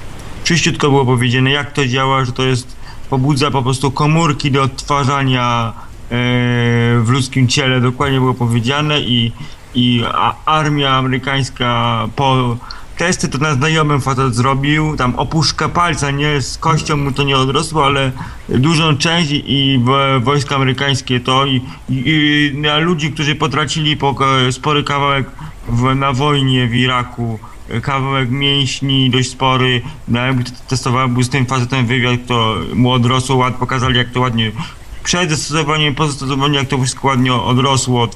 Normalnie w szpitalach wojskowych jest to używane dla, dla, dla rannych. Co wracają z wojska, jest to normalnie stosowane po prostu w, w leczeniu, więc nie jest to ukrywane. No może stosują, nie miałem, właśnie słyszałem o tym, że no nie, nie trafiło to jeszcze tak do publicznej domeny, nie można sobie kupić. Wtedy program był sprzed roku, były już testy, pełne testy kliniczne, tam 50 czy 100 osób brało testy, były pozytywne i będą dalej rozwijać. No ja czytałem artykuł właśnie gdzieś tam medyczny właśnie z było Lanceta, Normalnie gdzie... w leczeniu rannych i nie... Nie, Nie no, wiemy, wiemy, wiemy, wiemy. Będą normalnie ba, badane ten... No wiemy, słyszał- wiemy, przez to, to... Słyszał, Mhm. A słyszał pan o, o celowym niemal prowadzeniu człowieka niemal stan... stan Tak, tak, słyszałem, ale ja nie o tym, my tu w ogóle nie o tym rozmawiamy, to jest w ogóle zupełnie inna historia, No słuchajcie. to tylko, tylko, ty, Mhm. tylko tyle chciałem powiedzieć o tym proszę. Dziękuję bardzo. Dzięki za telefon. E, To ja rozłączam. E, Słuchajcie, bo tak chciałem dokończyć tym proszku, bo artykuł był e, w Lancecie o tym, że tkanka kostka się, kostna się odbudowuje. Jakby taki fenomen po prostu, jakby rekonstrukcja. Więc tak wracając do, e, do tego rozważania, no musi być po prostu jakieś pole, po którym to funkcjonuje, czyli nie jest to reakcja do końca chemiczna. Jakby ta reakcja musi No być tak, wyzwolona z zewnątrz, było- rozumiesz? Bo można by było mówić niby o DNA, prawda, ale DNA chyba raczej trzeba potraktować jako instrukcję do, do, do Bardziej, tworzenia. mhm. Tak? Ale faktycznie musi być jak, jakie, jakieś pole, jakaś energia, no jakaś baza, tak? Podkład, na którym się buduje to, to powiedzmy ciało w tym przypadku. Mhm. A ja bym No ty- to, to- Także- myślenia. swoje, bo chciałem się zapytać o, bo słuchałem ostatnio jak Teflon y, wyraził swoje zdanie, że badanie aury, że fotografowanie i to jest taka trochę ściema, że to się używa urządzeń y, mierzących oporność skóry, znaczy to, to chodziło o przewodzenie skóry, tak? Coś w tym stylu, jak ona prąd y, przewozi i stąd się bierze ten obraz Mm, cały, no. on jest jakoś tam y, generowany przez komputer na podstawie, y, na podstawie danych, i skoro, ale to się nie zgadza właśnie z tym, że tracimy kończynę i aurę tej kończyny widać w dalszym ciągu, bo powinna zniknąć ta aura w takim wy- wypadku. No powinna, powinna. No ale tu zawsze możesz usłyszeć jakieś tam e, wytłumaczenia, także myślę, że Pro- Proszę mi to wytłumaczyć natychmiast. Nie wiem, bo to jakby nie, nie opieram się na maszynie, bo to bardziej opieram się na tym, e, na, na po prostu na opiniach tak zwanych bioenergoterapeutów, no tak to się nazywa i, e, i na informacjach z tej strony. No i tak wracając do tej, do tej historii z komórkami, no to, co, no to nauka tak naprawdę niewiele wie, no bo co w tym momencie wiemy na temat rekonstrukcji e, ludzkiego organizmu? Co, będziemy budowali jakieś mechaniczne protezy, montowali te wszystkie techniczne sprawy, bateryjki sobie w tyłku, żeby to wszystko działało, czy albo panele słoneczne na głowie, żeby się ładowały te bateryjki w tyłku, kiedy nie ma gniazdka w okolicy? To jest takie wszystko troszeczkę... E, Myślę, że nie ta droga. A jak się spojrzy na, jakbyś nauka się cofnęła i wróciła do tego biona, to może by się okazało, że no nie jest to aż takie, takie trudne i że można zrobić to w zupełnie inny sposób, że właściwie tak naprawdę nie trzeba budować technicznych szkieletów, jakichś takich aluminiowych blaszaków i pakować nas w te blaszaki, wymieniać kości na e, stalowe pręty, tylko można spokojnie się rekonstruować. No jaszczurka jest na przykład takim fenomenalnym zwierzakiem, które, to jest, które jeżeli straci oko, to oko jaszczurce odrasta. To jest taki fenomen, bo są komórki macierzyste, czyli generalnie według definicji współczesnej nauki nie ma prawa odrosnąć. To się w ogóle nie powinno wydarzyć, a to się dzieje. Fenomen. Człowiek do takich odkryć typu komórki macierzyste to musi chyba dorosnąć też mentalnie trochę, bo tutaj wydaje mi się, no rodzi się wiele nie, niebezpieczeństw, na przykład, że będą potem te komórki z dzieci brali, z jakimś tam, no nie wiem, no kradli te dzieci i z noworodków wycinali coś. No wiecie, człowiek musi być też przygotowy, mieć coś w głowie, żeby e, się posługiwać tymi wynalazkami. Do niektórych może nie dorośliśmy. I tyle. Ale zaraz to dzieci mają komórki macierzyste, czy to się z łożyska bierze? Z łożyska się bierze, a nie z, płodu. To nie z dzieci. A, a słyszałem, No, no właśnie. Wszystko bardzo dobre jest, jak się podsmaży z cebulką. No to wtedy zabijasz wszystkie te biony, które tam są, bo to jest, to jest taki fenomen, to jest kawałek substancji, która, która, która akumuluje tą, nie wiem jak to nazwać, tą e, żywą energię, po prostu organ i tam po prostu to jest plazma, tylko że taka pierwsza forma zama- zamanifestowanej plazmy, z której składa się człowiek. Dlatego jest, e, dlatego ma takie właściwości cudowne. Także... To, a to prawda, że noworodki na przykład się pięknie jakoś tam regenerują, że, że mają ten organizm taki w ogóle przy, przygotowany do, do wszelkich tam regeneracji, walki ze wszystkim. No, skoro przeżyliśmy jako gatunek ludzi na świecie, a szpitale i sekcje porodówek mamy od niecałych 80 lat tak naprawdę, to chyba tak. Mi szpital za, zaszkodził, bo się urodziłem jako, jako wcześniak i pod, wsadzili mnie pod lampę jakąś, ale za dużą moc u, ustawili i mi przypalili trochę mnie. Rozumiem, teraz grasz w I co koszykówkę. się stało? Nie, trochę mam oko z tej racji niesprawne jedno. Trochę. Bo, bo za mocno lampa była włączona. No, Podoba mi się ta współczesna medycyna. A, tam przeżyje, bez nogi, bez ręki, da radę, tam da radę. Tam trochę poświeciliśmy lampką, spoko, przeżyje chłopak. w, P- w PRL-u tak było, że pani tam włączała lampę na maksa i se szła na kawkę. Słuchajcie panowie, to zostawmy ten PRL i te lampy i posłuchajmy jakiejś muzyczki. Dobra. Co wy na to? To ja was rozłączam i zapraszam po przerwie. Jak nic. Alright. Rozłączam. rozłączam. Poprawnie jest rozłączam się. A dzisiaj, no jak się okazuje, taka wakacyjna hiperprzestrzeń i o kłamstwach, i o komórkach macierzystych. Takie rozmowy, słuchajcie. Jak chcecie zadzwonić, zapraszam bardzo serdecznie. A wysłuchajcie oczywiście radia na fali, retransmitowanego w radiu Paranormalium i słuchacie oczywiście hiperprzestrzeni, moi drodzy w radiu na fali. E, oprócz tego zapraszam Was, żebyście wpadli na teorię chaosu w radiu na fali, żebyście wpadli na Pichontarium Marcina, żebyście wpadli na etykietę zastępczą Edwarda. No i żebyście w ogóle wpadali na syntezę między innymi. Jest e, fajna prelekcja Jana Tartasio, który jakby wyjaśnia pewne sprawy, które myślę są dosyć istotne, bo to tak sprawdzone w praktyce. No urządzenie działa, wiemy wszyscy, że działa i tam jest wyjaśnienie, dlaczego między innymi to działa i na jakiej zasadzie. A ja zapraszam, jakbyście chcieli zadzwonić, radionafali.com. Ostatnie w sumie minuty dzisiejszej hiperprzestrzeni się zrobiło tak wakacyjnie. Tematy się posypały z rękawa w ogóle.